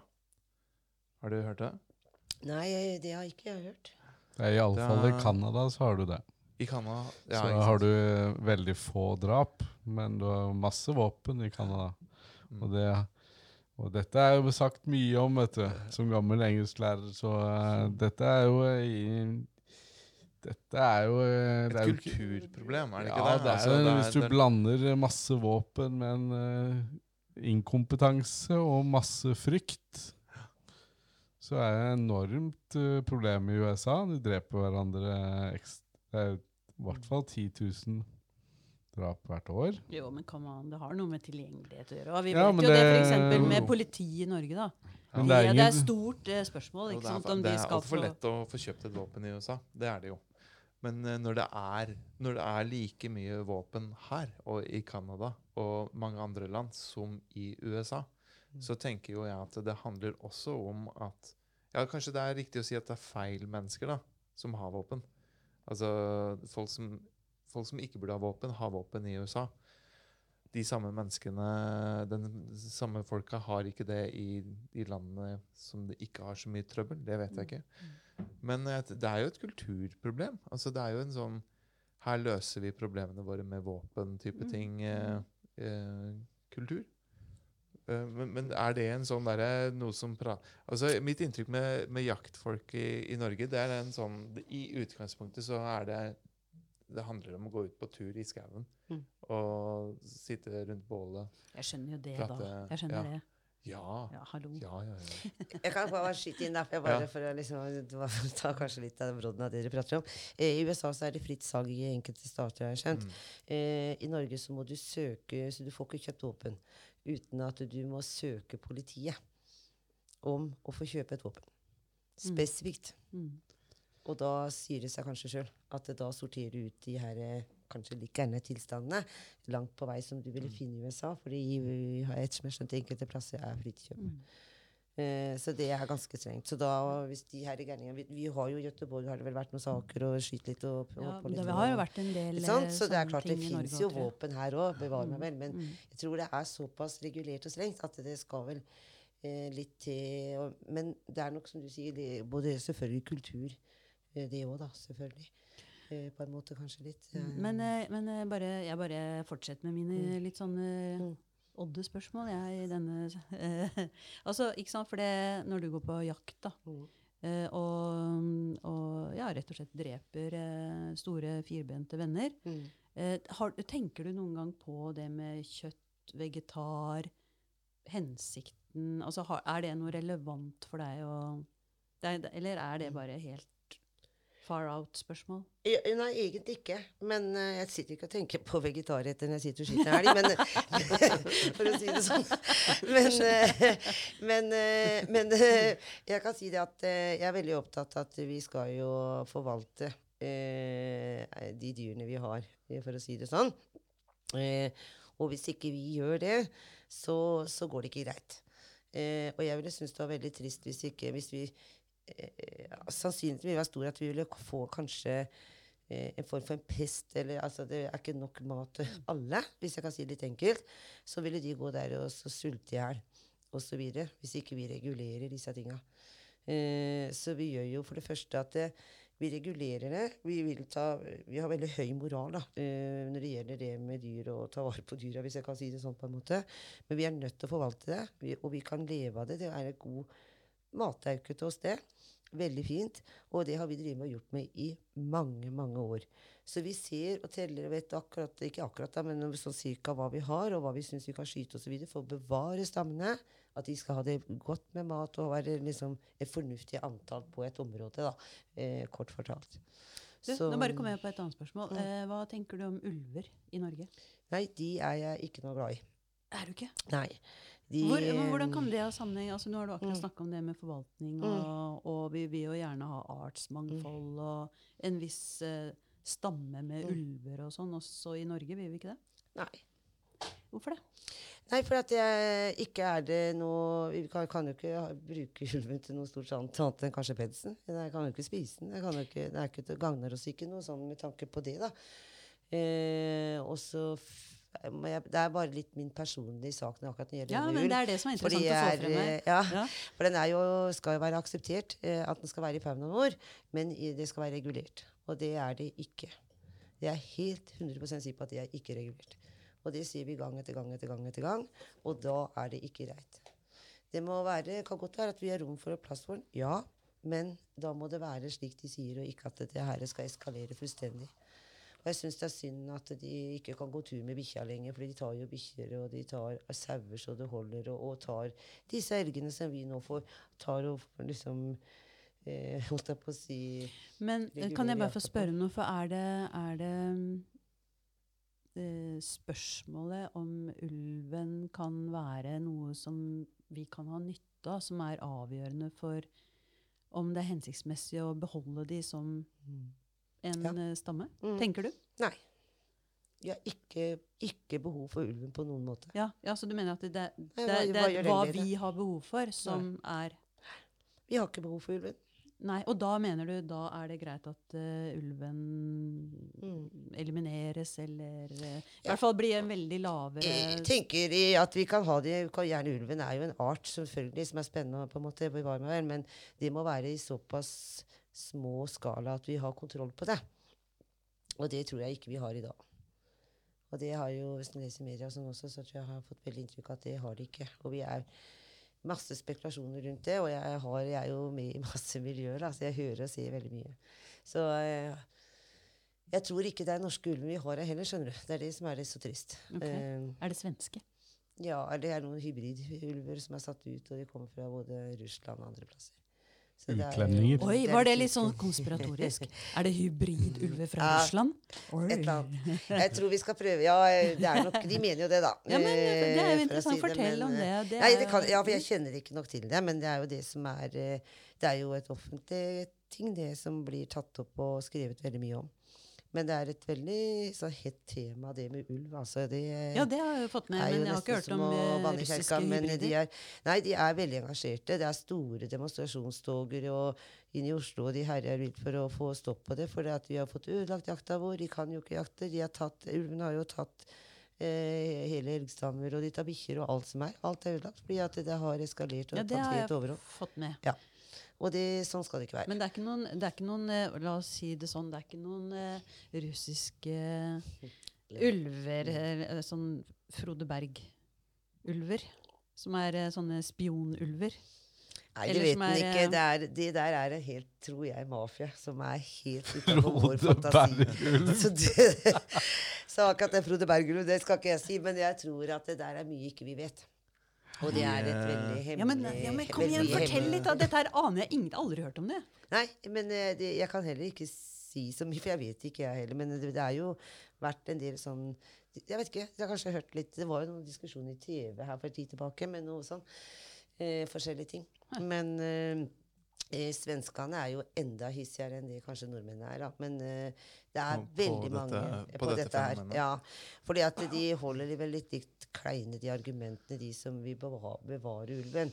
Eh, Ja, det er sånne, de, jeg- sånne grønne folk. ja. Veldig grønne. Mm. Så um, Nei, jeg, jeg tror vi skal føle oss, få lov til å føle oss trygge, iallfall. Vi kan ikke la være å ikke slippe ungene ut og ikke få komme dem på skolen pga. at det er for mye ulv. Da er det gått for langt. Det her må vi regulere. Sånn skal vi ikke ha det. Men uh, jeg har én ting jeg, før jeg glemmer det, uh, Marit. Daniel Paulsen er jo ikke her. Så Mm. det er jo et spørsmål jeg sitter og tenkt på nå en stund, som han sikkert ville ha stilt. da. Det er dette med gips. Gipsvegg. Hva har du Ja. Helt herlig overgang til Ja, uh, det er opplagt at det Ja. spørsmålet der skulle komme akkurat nå. nå. den syns jeg falt helt naturlig mellom i jakta. Ja, da. Nei, det er litt, Jeg har ikke satt her er det om å gjøre å kunne snu seg, Torunn. Ja, men det er jeg god på. Nå tipper jeg du er tilbake i et hus om hva jeg, hva jeg mener om å bruke gips istedenfor Det er jeg helt sikker på at han ville stilt. Oh, vet du hva? Jeg, på veggen eh, i dette rommet som vi er i nå, så har jeg prøvd å henge opp noen sånne akustikkplater. Og jeg har skrudd Og inn hvor er vi nå? Vi er På på Kragerø-instituttet. Yeah! Det er et veldig bra sted å være. Nå må jeg flinke å selge, Torunn. Veldig. Ja. Uh, og jeg har skrudd inn skrue på skrue på skrue og bommer på disse her eh, Er det lekter det heter? På, eller, ja, på baksiden. Uh, og til slutt funnet uh, noen, da, så jeg greide å henge opp eh, noen. Men eh, det er disse fordømte gipsplatene, altså. Det, det henger jo ikke Ja.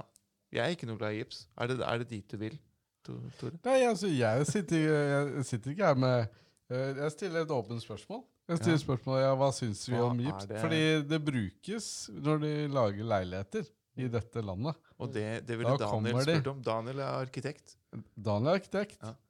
Jeg, tror jeg, jeg skal ikke si hva Daniel mener om gips. Det er ikke mitt bord. Men det er jo interessant å høre. Ja, ja, ja. For og imot gips. Mm. Jeg har ikke så veldig sterke meninger om det, for jeg ser at gips er eh, eh, Kan være greit å bruke. Men eh, jeg er også Personlig takker jeg til tårene for ikke å ha gips, for å si det sånn. Jeg syns eh, Det fins alternativer. det fins alternativer, og det er som du akkurat sa nå. Hvis det liksom eh, Ja, blant annet da skal jeg henge opp noe og sånn. Jeg har også vært borti det, nemlig. Og det var ikke vellykka.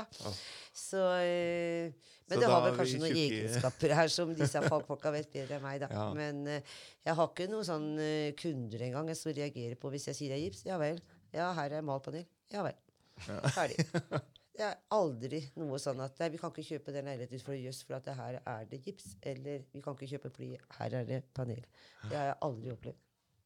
Aldri. Det er bare noe de aksepterer det som er. liksom. De folder hendene, sier Ja. Sånn er det. Sånn er det. Nei, Det er nok det de utbyggerne har skjønt òg, skjønner du, Knut. Mm. At det, det er billigere enn å gjøre andre ting. Og så eh, skjønner de det at folk ikke tar det så nøye. Mm. Vet du hva som slo meg sånn apropos den der ulvedebatten? Mm. For jeg tenkte på det at eh, i eh, USA så har jo Russland greid å påvirke valget. Da har de brukt eh, Facebook. Og så har de kanskje påvirket valget her i Norge òg. De har fått Senterpartiet opp og frem ved å sette ut ulv. Har du, så, har det, hæ? Oi, oi, oi, Knut. Det der er en uh, vill teori. Det er faktisk, det syns jeg var spennende tanke. Kanskje Putin sitter der og gnir seg i hendene. Hvordan skal vi påvirke i neste land nå, liksom? Ja. Skulle jo være kreative her. Ja, Spennende. Hvem vet? Okay. ja, ja, det var jo en måte å Ja, ja, ja, ja. Men hvordan eh, ser fremtid Altså, jeg eh, En ting når det gjelder meglerbransjen, som meglerbransjen bør frykte, da. Det, det er jo eh, Det er jo teknologien. Mm. Det er jo appen. Eh, fremtiden om eh, 10 år, om 15 år. Mm. Eh, jeg mistenker at vi kan se noen ordentlig store forandringer eh, om en del år. Men jeg er ikke i bransjen, men det er du, Torunn. Ja, Ja. Torunn, fortell oss. Hva tror du kommer til å skje?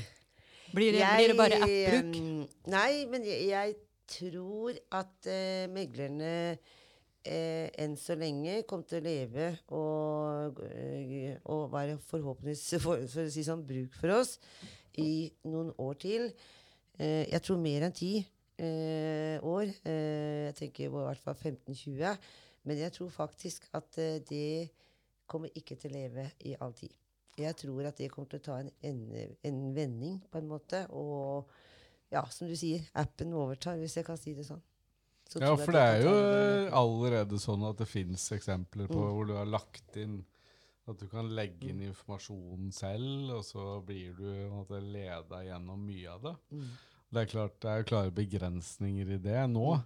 Men uh, det blir spennende å se uh, hvordan, hvor det ender. Og det tok Du, Knut, du vet hvor det ender. Jeg ser Ja, det ja. på deg. Nei, nå ser jeg Dette er bare sånn jeg ser ut. Jeg vet ikke Du svaret. vet ikke. Nei, nei. Men det er litt spennende, da. For jeg tror det er et marked som kommer til å måtte omstille seg ganske mye, faktisk. Jeg tror nok det er jo på sikt, men øh, Og de har prøvd seg uten oss veldig hell, tror jeg. Skal jeg være helt ærlig. Eh, og så tror jeg samtidig som at dette kommer opp, så sånn som spesielt Finanstilsynet og, og selvfølgelig Norges Eiendomsmeglerforbund, som også følger med på de tingene, de eh, Det sier seg vel kanskje litt sjøl at det skal vel litt til hvis plutselig en skal prøve å håndtere det privat. Så skal, tror jeg nok at vi skal se at det kan få uante konsekvenser. Ja, altså, og ja. eh, tenker jeg at det, Og det er jo så uhyggelig strengt. Skal se de sjekklistene vi må igjennom, som de har gjort krav til oss. Og hva gjør da Olga Pettersen på 87 år som skal selge seg huset sjøl? Mhm. Ja. ja, Jeg hadde hadde i hvert fall ja. ikke kjøpt dette huset hvis ikke jeg kunne fått uh, et minimum av mange ting og kunnskap osv. som ikke de Det er jo ikke krav til noen særlig som selger privat, vet du. Men det er så veldig krav til oss som er meglere. Mm. Og det er jo en grunn for det. At vi skal trygge handelen og unngå kan du si, ja, at ikke folk skal være uheldige. Det gjelder jo for så vidt både for kjøper og selger. da. Og det er trist, for det er faktisk veldig mange saker som går. Men ja, altså Sånn som for et eh, vanlig menneske som meg, for eksempel, Hvis jeg skulle kjøpe meg et hus eller en leilighet, så vil jeg jo bare kjøpe meg en hus eller leilighet. Jeg vil ikke vite om alt det andre og bruke masse tid på det, som, som eh, sikkert eh, ligger i Som kan være spørsmål i forbindelse med et, en overtagelse. da. Jeg vil bare få gjort det og bruke spesialistene som kan forsikre meg om at ja, men eh, det, det er lurt, kjøp det, og det du får for det, det er det og det og det. Og så er det den og den svakheten, men vi kan anbefale at du gjør sånn eller slik. Ikke sant? Sånn at jeg, jeg vil heller bruke noen som har peiling på det, Mm. så jeg slipper å sette meg inn i alt dette her mm. forferdelige, vanskelige temaene som jeg interesserer meg null og Mm. nada for. Ja, jeg er helt enig. Ja, jeg orker ikke tanken engang på varmtvannsberedere. Mm. Hvorfor skal jeg tenke på det? Eller, altså alle de kompliserte spørsmålene som er Råte. Åh, jeg, jeg blir helt uh, nervøs bare ved tanken. Skjeggkre. Ja. ja.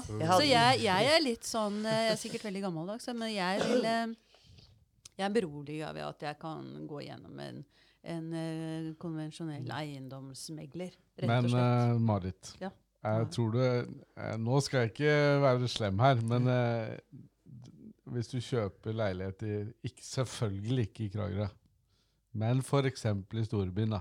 Så drar du inn i leiligheter hvor det, ja, det står duftlys der. Og kanskje megleren har solgt veldig mange leiligheter. Det er, ikke, er nok kanskje ikke alle de som er så opptatt av råten som er skjult heller. Jeg tror kanskje ja, ja, ja, sikkert. Ja, det Altså, har du det er nok rett i. Noen, Man ikke stole blindt på det heller. ikke bli, Jeg tror nok ansvaret selv om man tegner en forsikring. Ja, det er det. Så er nok eh, den som er inni det selv, også Jeg vil påstå det, da. At eh, du kan ikke være bare overlate alt og bare seile. For jeg tror ikke du får eh, Det er ikke nødvendigvis det er uh, suksessfaktor heller. Eller mener du at det er å overlate alt, uh, Torunn? Alltid? Jeg vet ikke om jeg forsto deg riktig, men jeg tror ikke det at de, de dustlista tror jeg ikke gjør susen for disse takstfolka. Fordi at de fleste har jo tilstandsrapporter som ringer da, og da er det fagfolk. For, men husk på, vi meglere, vi er ikke fagfolk. Vi er ikke byggekyndige, vi er ikke noen ting, vi. Vi holdt på å si den- Noe er dere. Jo, men liksom ikke sånn innen. Så vi observerer og ser, og som jeg er jo ikke byggteknisk og ingenting. Eh, derfor så har vi jo alltid tilstandsrapporter hvor det har vært en ugilda profesjonell mann som har vært inne og, og, og fortalt om rikets tilstand. Hvordan jeg har tatt fukt og testing, som du sier, varmtvannsprøve, prøve, altså sånn som de fleste ikke egentlig kan noe med. Eh, og det gjør vi, eh, kan du si, da. For å, vår oppgave Husk på en eiendomsmegler som er kanskje nesten det viktigste setningen i, for oss. Det er rett og slett noe så enkelt som at vi skal vise omsorg for begge parter. Så kan du tenke deg om hva betyr, eller hva ligger i det. Omsorg for begge parter. Da skal man ta Ja, du spør begge, meg. begge Mm. parter skal gå derfra med, med noe, noe positivt. Ja.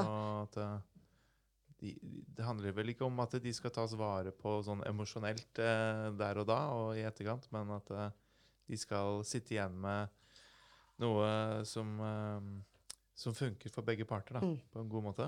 Ja, altså det som vi er opptatt av, at eh, vi kan ikke kreve de som selger heller, fordi jeg tror mange av de handler i god tro. De er ærlige, og, og, og, og de, hvis jeg kan si sånn, de vet ikke bedre, de kan ikke vite det.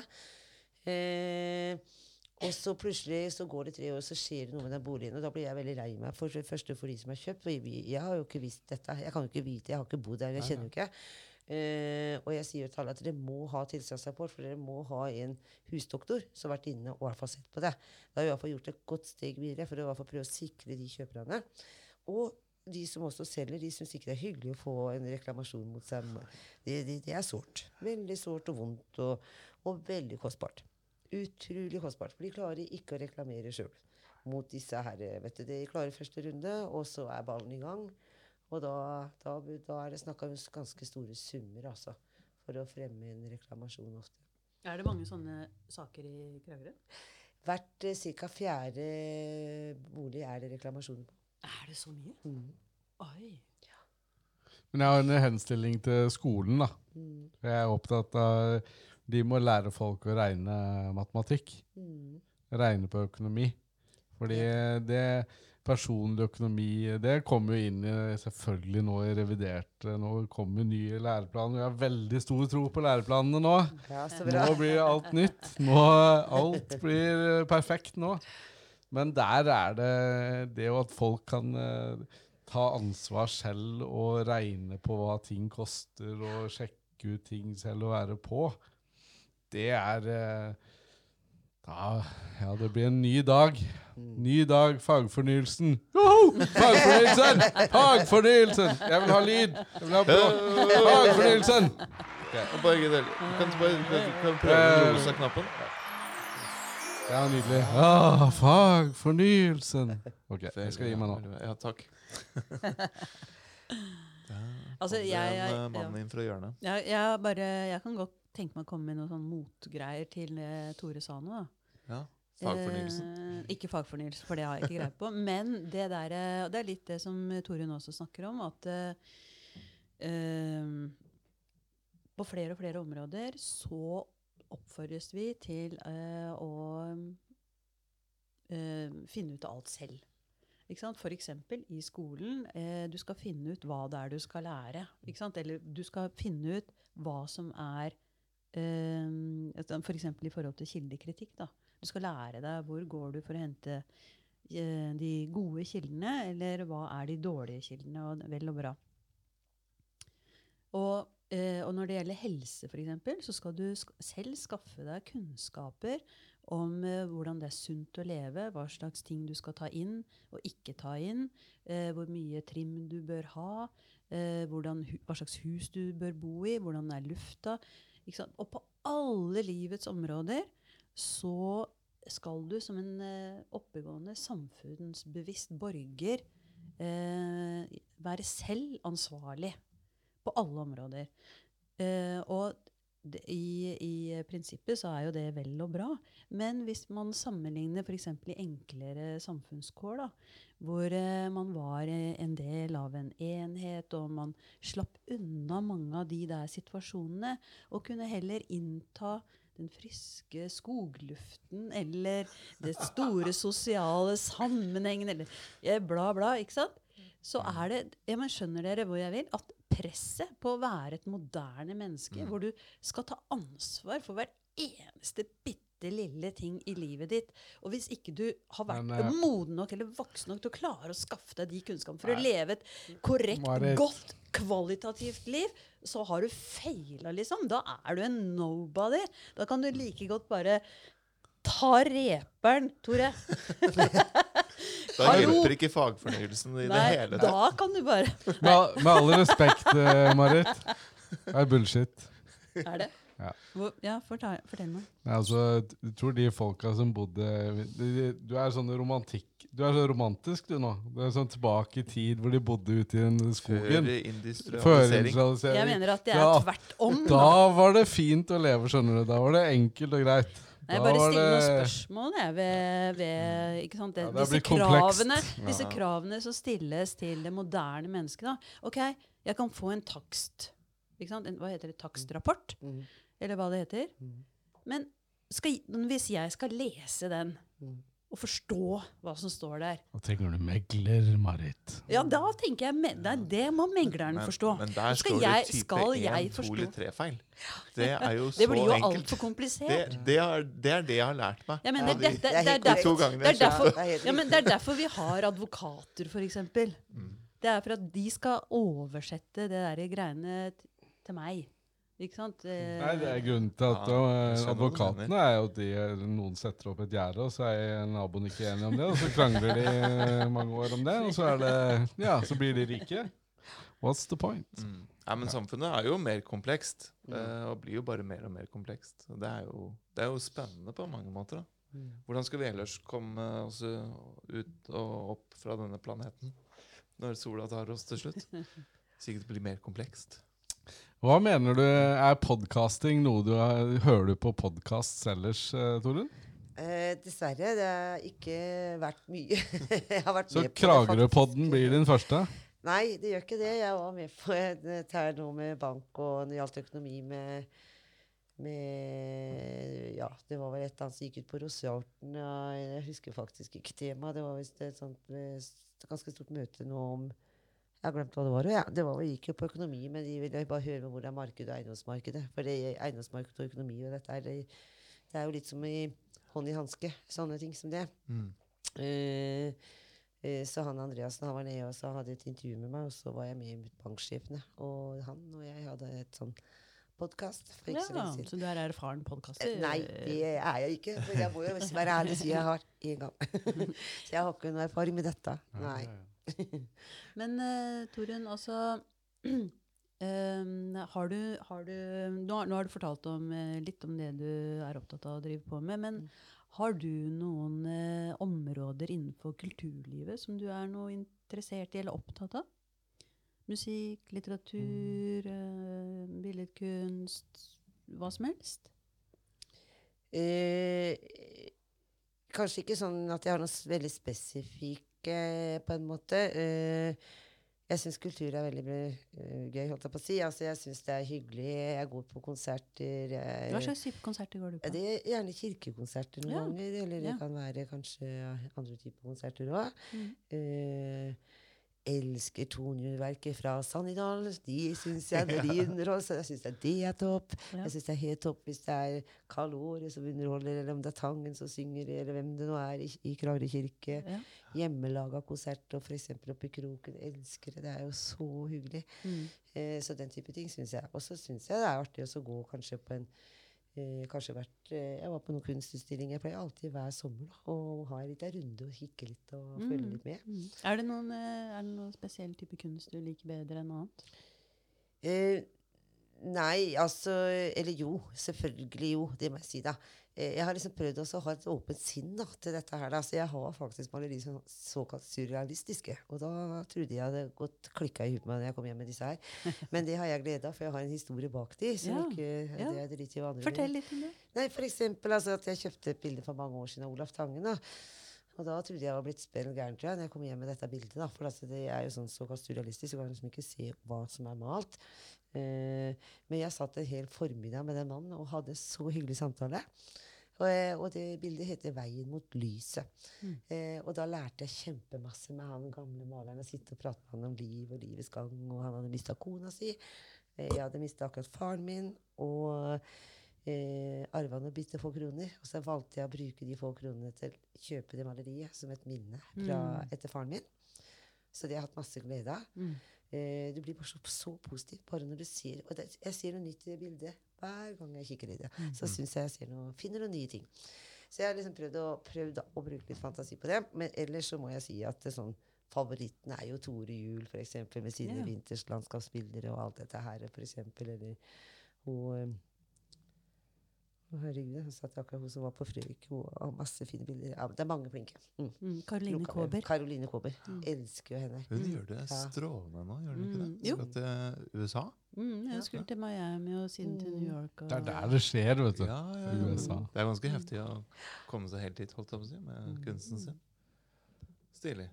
Ja, ja, Nei, det, er- det, er liksom sånne ting. Så det er, og så har jeg vært engasjert. Jeg sitter i viltnemnda i Herrenfløyten med vet da fader mange år og perioder. Og det vil jeg gjerne ut av. Nå klarte jaggu meg å overtale meg igjen, men nå er det nå er kun vara. så det er liksom vi er litt ja, livet. Viltnemnda, er det et kommunalt uh, Ja, ja. Hva er- driver man med der? Nei, det er jo, du blir jo politisk valgt, da. Det er jo også for meg helt en gåte at det skal være et politisk valgt organ. Det burde vært et faglig Sett på de faglige kompetansene Er du, er du, representerer du et parti?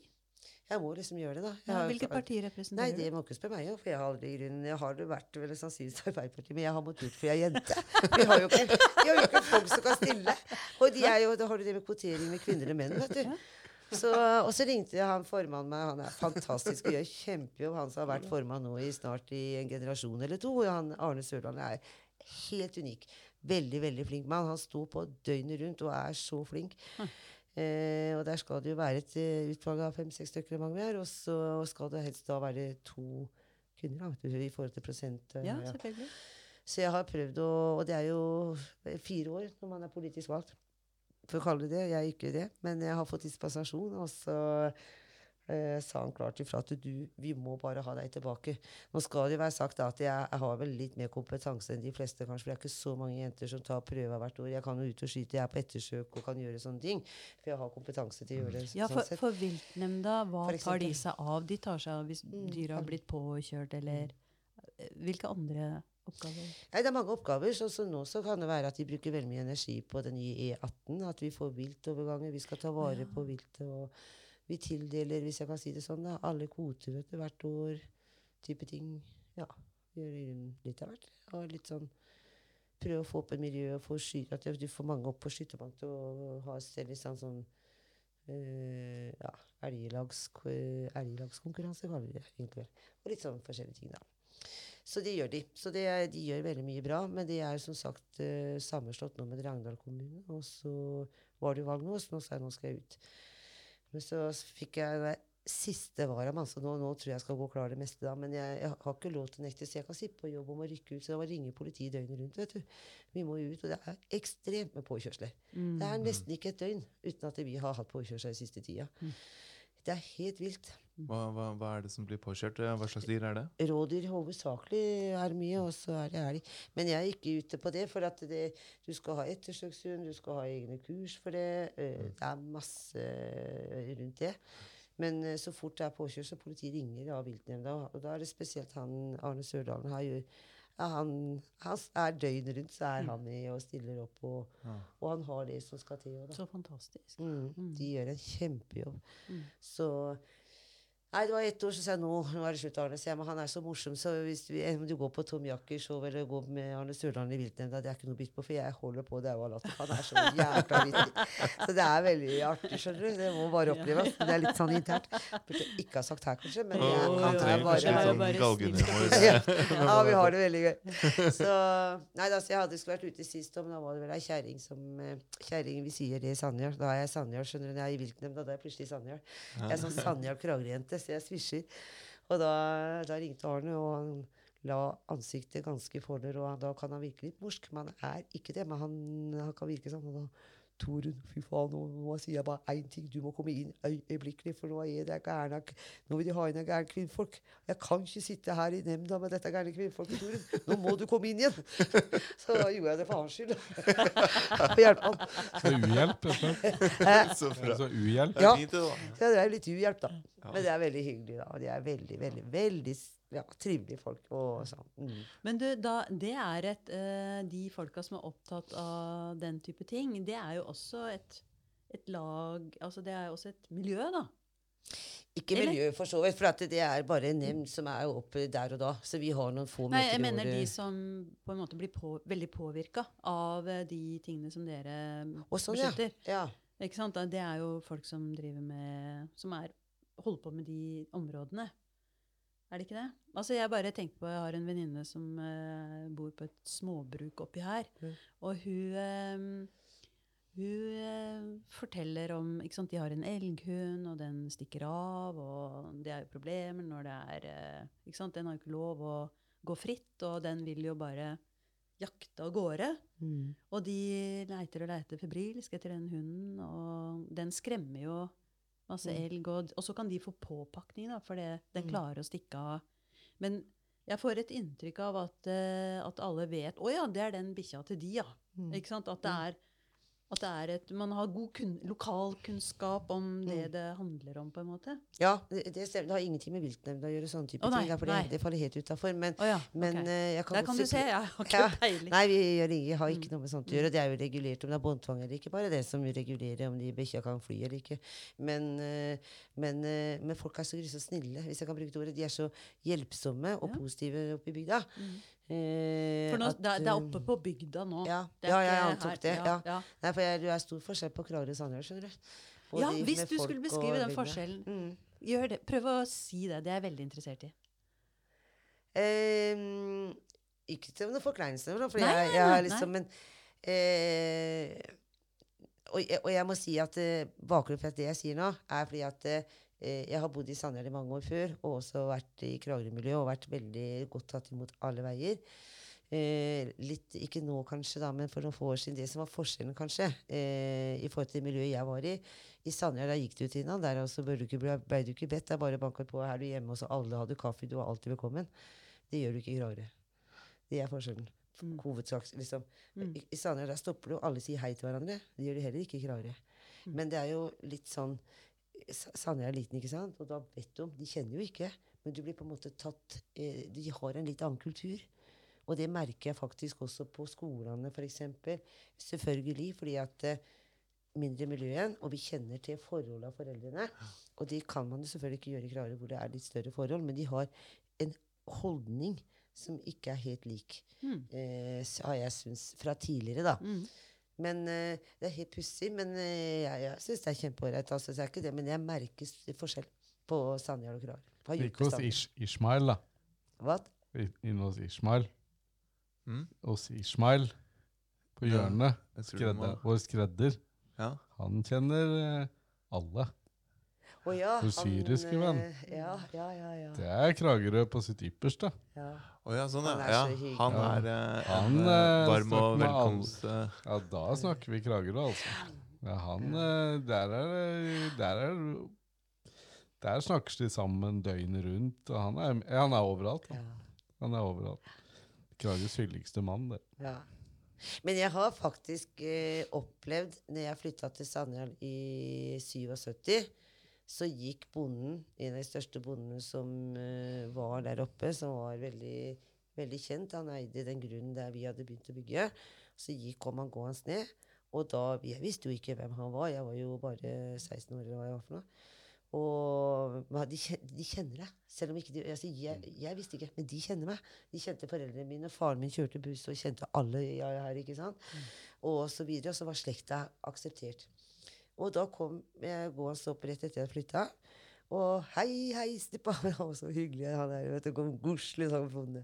Og så kom nabokjerringa, som er fra Kragerø, da, som er jo ei kjempedame. Bare snudde ryggen til henne. Det var ikke snakk om å vise tegn. For husk på det at Kragerø tok Skåtøy kommune ifra Sandhjelm. Ja. Ferdig snakka. Ja. Ja, det er godt, eh, godt de kommer fort over det. Det var på 60-tallet, vet jeg.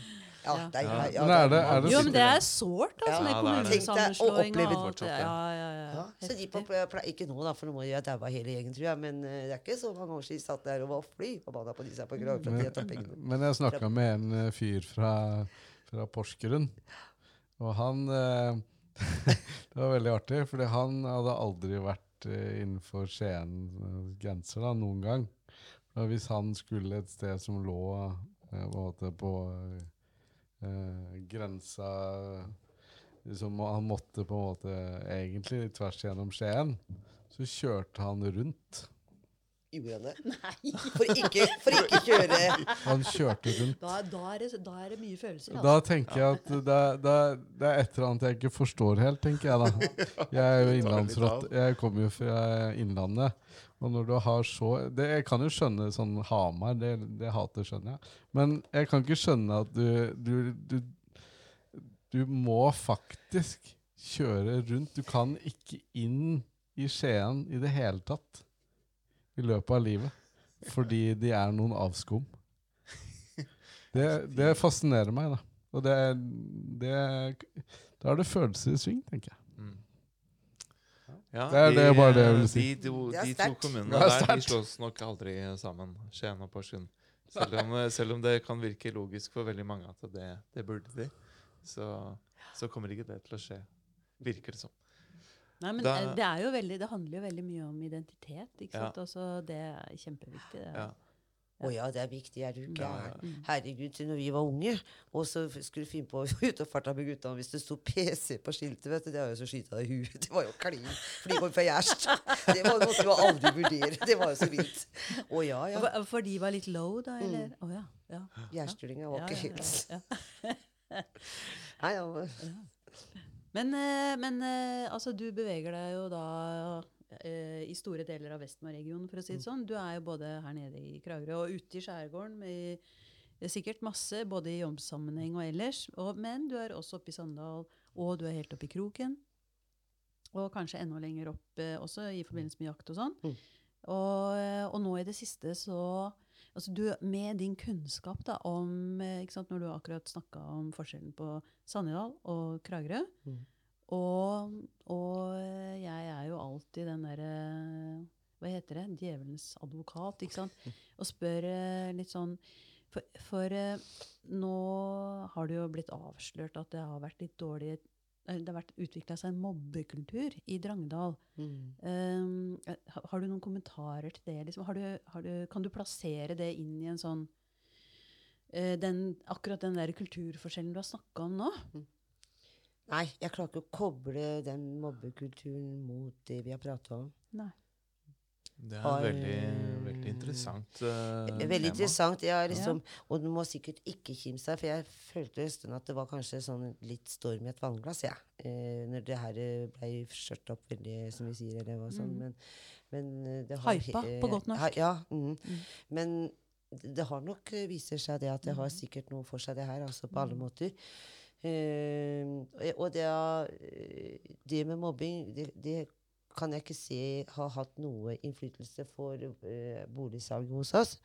Uh, på noen måte. Nei. Eh, tvert imot, da. For at det, nå er det hvis jeg, Eller tvert imot, det skal jeg Ja, ikke men si. hvordan, men hvordan, hvordan, hvor- hvor, altså, hvordan kunne det ha Altså koblingen mellom mobbing og boligsalg, hva tenker du Nei, det er klart at det er vel rimelig enkelt hvis det er eh, ikke noe trivelig plass å bo, så vil jo ikke folk bo der. Og da er det jo Ja, mindre å selge. Det var kanskje Jeg Ja. vet ikke. Så Ja, nei, jeg måtte bare måte forstå litt- hva ja, du tenker. Ja. mm. Mm. Nei, for ellers er ikke Mobbing er liksom ikke helt uh, Folk vil bo der. Og jeg, jeg, har akkurat, jeg har solgt to hus oppe i stranda nå, jeg. Oppe i Prestestranda. Ja, har det, ja. Mm. Det var jo veldig hyggelig å høre, da. Ja. Fordi jeg tror det er ganske mange i Drangedal som er litt bekymra for renommeet og Mm. framtida. Det var koselig å høre. Ja. Veldig hyggelige og trivelige folk. Og Ja. jeg er døpt i Drangedal kjerke. Ja. Faktisk så er jeg det. ja. Nei da, så jeg syns det er veldig hyggelig. Det som er at eh, eh, Det jeg syns er veldig koselig, på en måte, er det at folk skjønner, de, jeg ble, de arver meg. Det syns jeg er litt hyggelig. Så de arver meg liksom i, i og med at jeg er såpass og jobba med dette noen år. Så jeg har fire generasjoner på en gang. som Jeg har. Jeg solgte både for oldebarnet og oldemora samtidig. I hver sin eiendom. Med, jo, med kanskje 150 meters avstand. Og, da, og så er det så hyggelig de kommer til meg, disse unge, da, så har de så tillit til meg. Eh, alle syns de kjenner meg, og det syns jeg er veldig hyggelig. da. Og de kommer til hei, og jeg kjenner jo ansiktet, jeg har jo ikke snøre på, de heter Jeg klarer jo ikke det, jeg Nei, og navn, det går ikke. Så kommer de, vet du. Ja, du skjønner, mamma sa at, eh, at eh, du måtte gå ned og snakke med Torunn. Så jeg har liksom fått beskjed hjemmefra, da. Så kommer de vet du. Ja, ja, du tenkte på sånn og sånn? Ja, han lurte på da, han har sett kanskje en leilighet på Helle eller et eller annet. Ja, men, men så må jeg spørre da, du, ja, å, for jeg først liksom får jeg navnet hans, da, så må jeg spørre, ja, mamma, og pappa, hvem er det igjen da, tru? Sier man liksom. Så sier de kanskje sånn, og det ringer jo ikke ei bjelle, og da har jeg stilt noen spørsmål for å prøve om jeg kanskje hadde kommet inn, vet du. Og like blank da. Så må jeg begynne med bestemora. Heter bestemor og bestefaren din igjen, da? Det er trasig, vet du. Jeg er på tredje generasjon, da. Og da faller det på plass, da. da har jeg, ja, føler, føler, du deg gammel, føler du deg gammel da? ja. Da, får, da føler du deg gammel også. Når du må liksom inne på tredje generasjon. først. ja, for at de tror at jeg husker og kjenner alt, vet du. For jeg vet jo veldig mye om folk, og, og ofte Eller jeg har vært engasjert i mange ting. da, ofte dødsbord, skilsmisse, hva det måtte være. Så det er klart du får en ganske god kunnskap. Mm. Og, sånn, og, det, ja. Og de vet det at da er det litt lettere å prate med meg òg, for jeg kjenner de. De bør ikke ha noen forklaring, eller de vet at de kan stole på meg. Det, altså, jeg, er så, Mm. jeg er veldig ærlig, da. Sånn at eh, de vet at de får et ærlig svar her hvis de kommer og spør. Da, fordi vi jo ofte har litt bekreftelser. Ja. Ofte veldig tidlig inne ved dødsbo og sånn. Og gir de råd, da, for da er de så forutinntatte at eh, jeg lurer på hvor mange familiefeide jeg har vært ta, eller tatt vare på som de ikke har blitt noe. Det skulle jeg gjerne ønske jeg kunne ha målt, for det er Men- ikke få. Men har du hatt kunden fra helvete? Eh, Da skjønner du sikkert hva jeg mener. Ja, det var, du mener en som er veldig vanskelig å bare ha rota, gå ordentlig rota det til på alle måter, sikkert? Er jo at det er krangling og masse rot og fram og tilbake og alt. Eh, Ja, jeg har vært veldig heldig også, og, og unngått heldigvis da, bank i bordet, for det kunne jeg fort fått. Men vi har jo hatt noen utfordringer, helt klart. Det, det har vi. Innimellom så har vi noen kjempeutfordringer, men ikke så helt fra helvete, Nei. eh, på en måte. Heldigvis. For det kunne jeg fått. Eh, men det har jeg vært heldig og vært skåna for. Så, Nei, det er jo mange følelser inn i sånne transaksjoner og Mm. ting og tang. Ja, det Så er det. du blir jo sånn hobby, eller til og med profesjonell psykolog etter hvert, eh, Ja. kanskje? Veldig psykolog. Og det som er det fine òg, at de skjønner, og jeg sier det med en gang også, det er lettere for meg å komme inn tidlig, nesten. For de er så forutinntatte på, på hva de skal mene, og hvilke krav, og hva de kan gjøre og ikke gjøre, kanskje. Og det er helt naturlig. Jeg har vært eh, Jeg har god erfaring på dette sjøl òg. Så jeg, jeg har veldig forståelse for hva som fort kan være aktuelt for de å bli spurt om, og hva kan, hva, hvorfor krangler eller hva skjer. Eh, for det er helt utrolig, altså. Når det kommer til penger og død og penger, holdt jeg på å si, så er det ingenting som overrasker meg. Da holdt jeg på å si bokstavelig talt går de over lik. Og det er veldig, veldig trist. Og de har noen voldsomt sterke tanker på hva som skal skje. Og, og som jeg Det tok meg ti sekunder å skjønne at dette her går helt gærent. Og disse folka har aldri snakka, de har aldri hatt noe familieforhold. De har raka ut for evig og alltid. Og det arver faktisk også ungene, denne kranglinga. Og det eh, ser jeg. Så jeg spør dem med en gang jeg kommer inn, så sier jeg alltid, hvis det er sånn, så er mange ganger jeg spør kan vi samle alle de involverte hvis det er et dødsbo, kan barna Og da vil jeg bare ha barna, i hovedsak. altså De må gjerne ha med seg Men i hovedsak de det gjelder. Og så, og så kan vi gjerne ta en prat. Og jeg, sånne ting gjør jo ikke normalt en deg, vet du. Men Har du med deg våpen da? Nei da, men det, det er noen ganger jeg skulle ønske jeg kunne hatt det. Litt. I hvert fall en spettert. Litt spettert. Neida, men, er stort, men vet du hva? Det, som folk, det er veldig vondt, og det er, det, er, det er tøft å være ærlig, men du skal fronte. Men jeg forklarer, så går jeg meg selv og sier vet du, sånn og sånn er det faktisk. Gjør hva dere vil. Jeg har ingenting med det. Men jeg, hvis dere gjør sånn, så tror jeg forutsetningene vil bli mye bedre for at vi kommer til å få det greit, og det her kan bli bra til slutt. Så tar jeg noen eksempler gjerne fra meg sjøl, og som selvfølgelig er mynta rett i de, men allikevel. Og da, da går det opp for de. For da er det alle, uten nesten unntak, henger seg opp i en eller annen ting i den situasjonen de er i. Når det gjelder skilsmisse, eller ved, ofte ved, som regel ofte med, ved død, holdt jeg på å si, når det er dødsbo, da.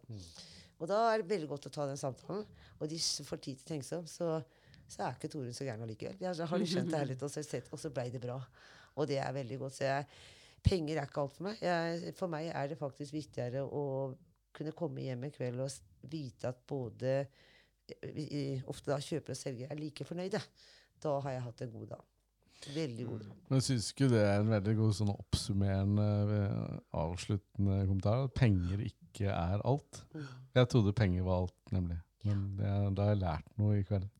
Det var godt å høre, Tore. Ja, hyggelig. Takk. Ja. Ja, det har vært eh, kjempefint å prate med deg, Torunn. Bare hyggelig. Tusen takk. Takk.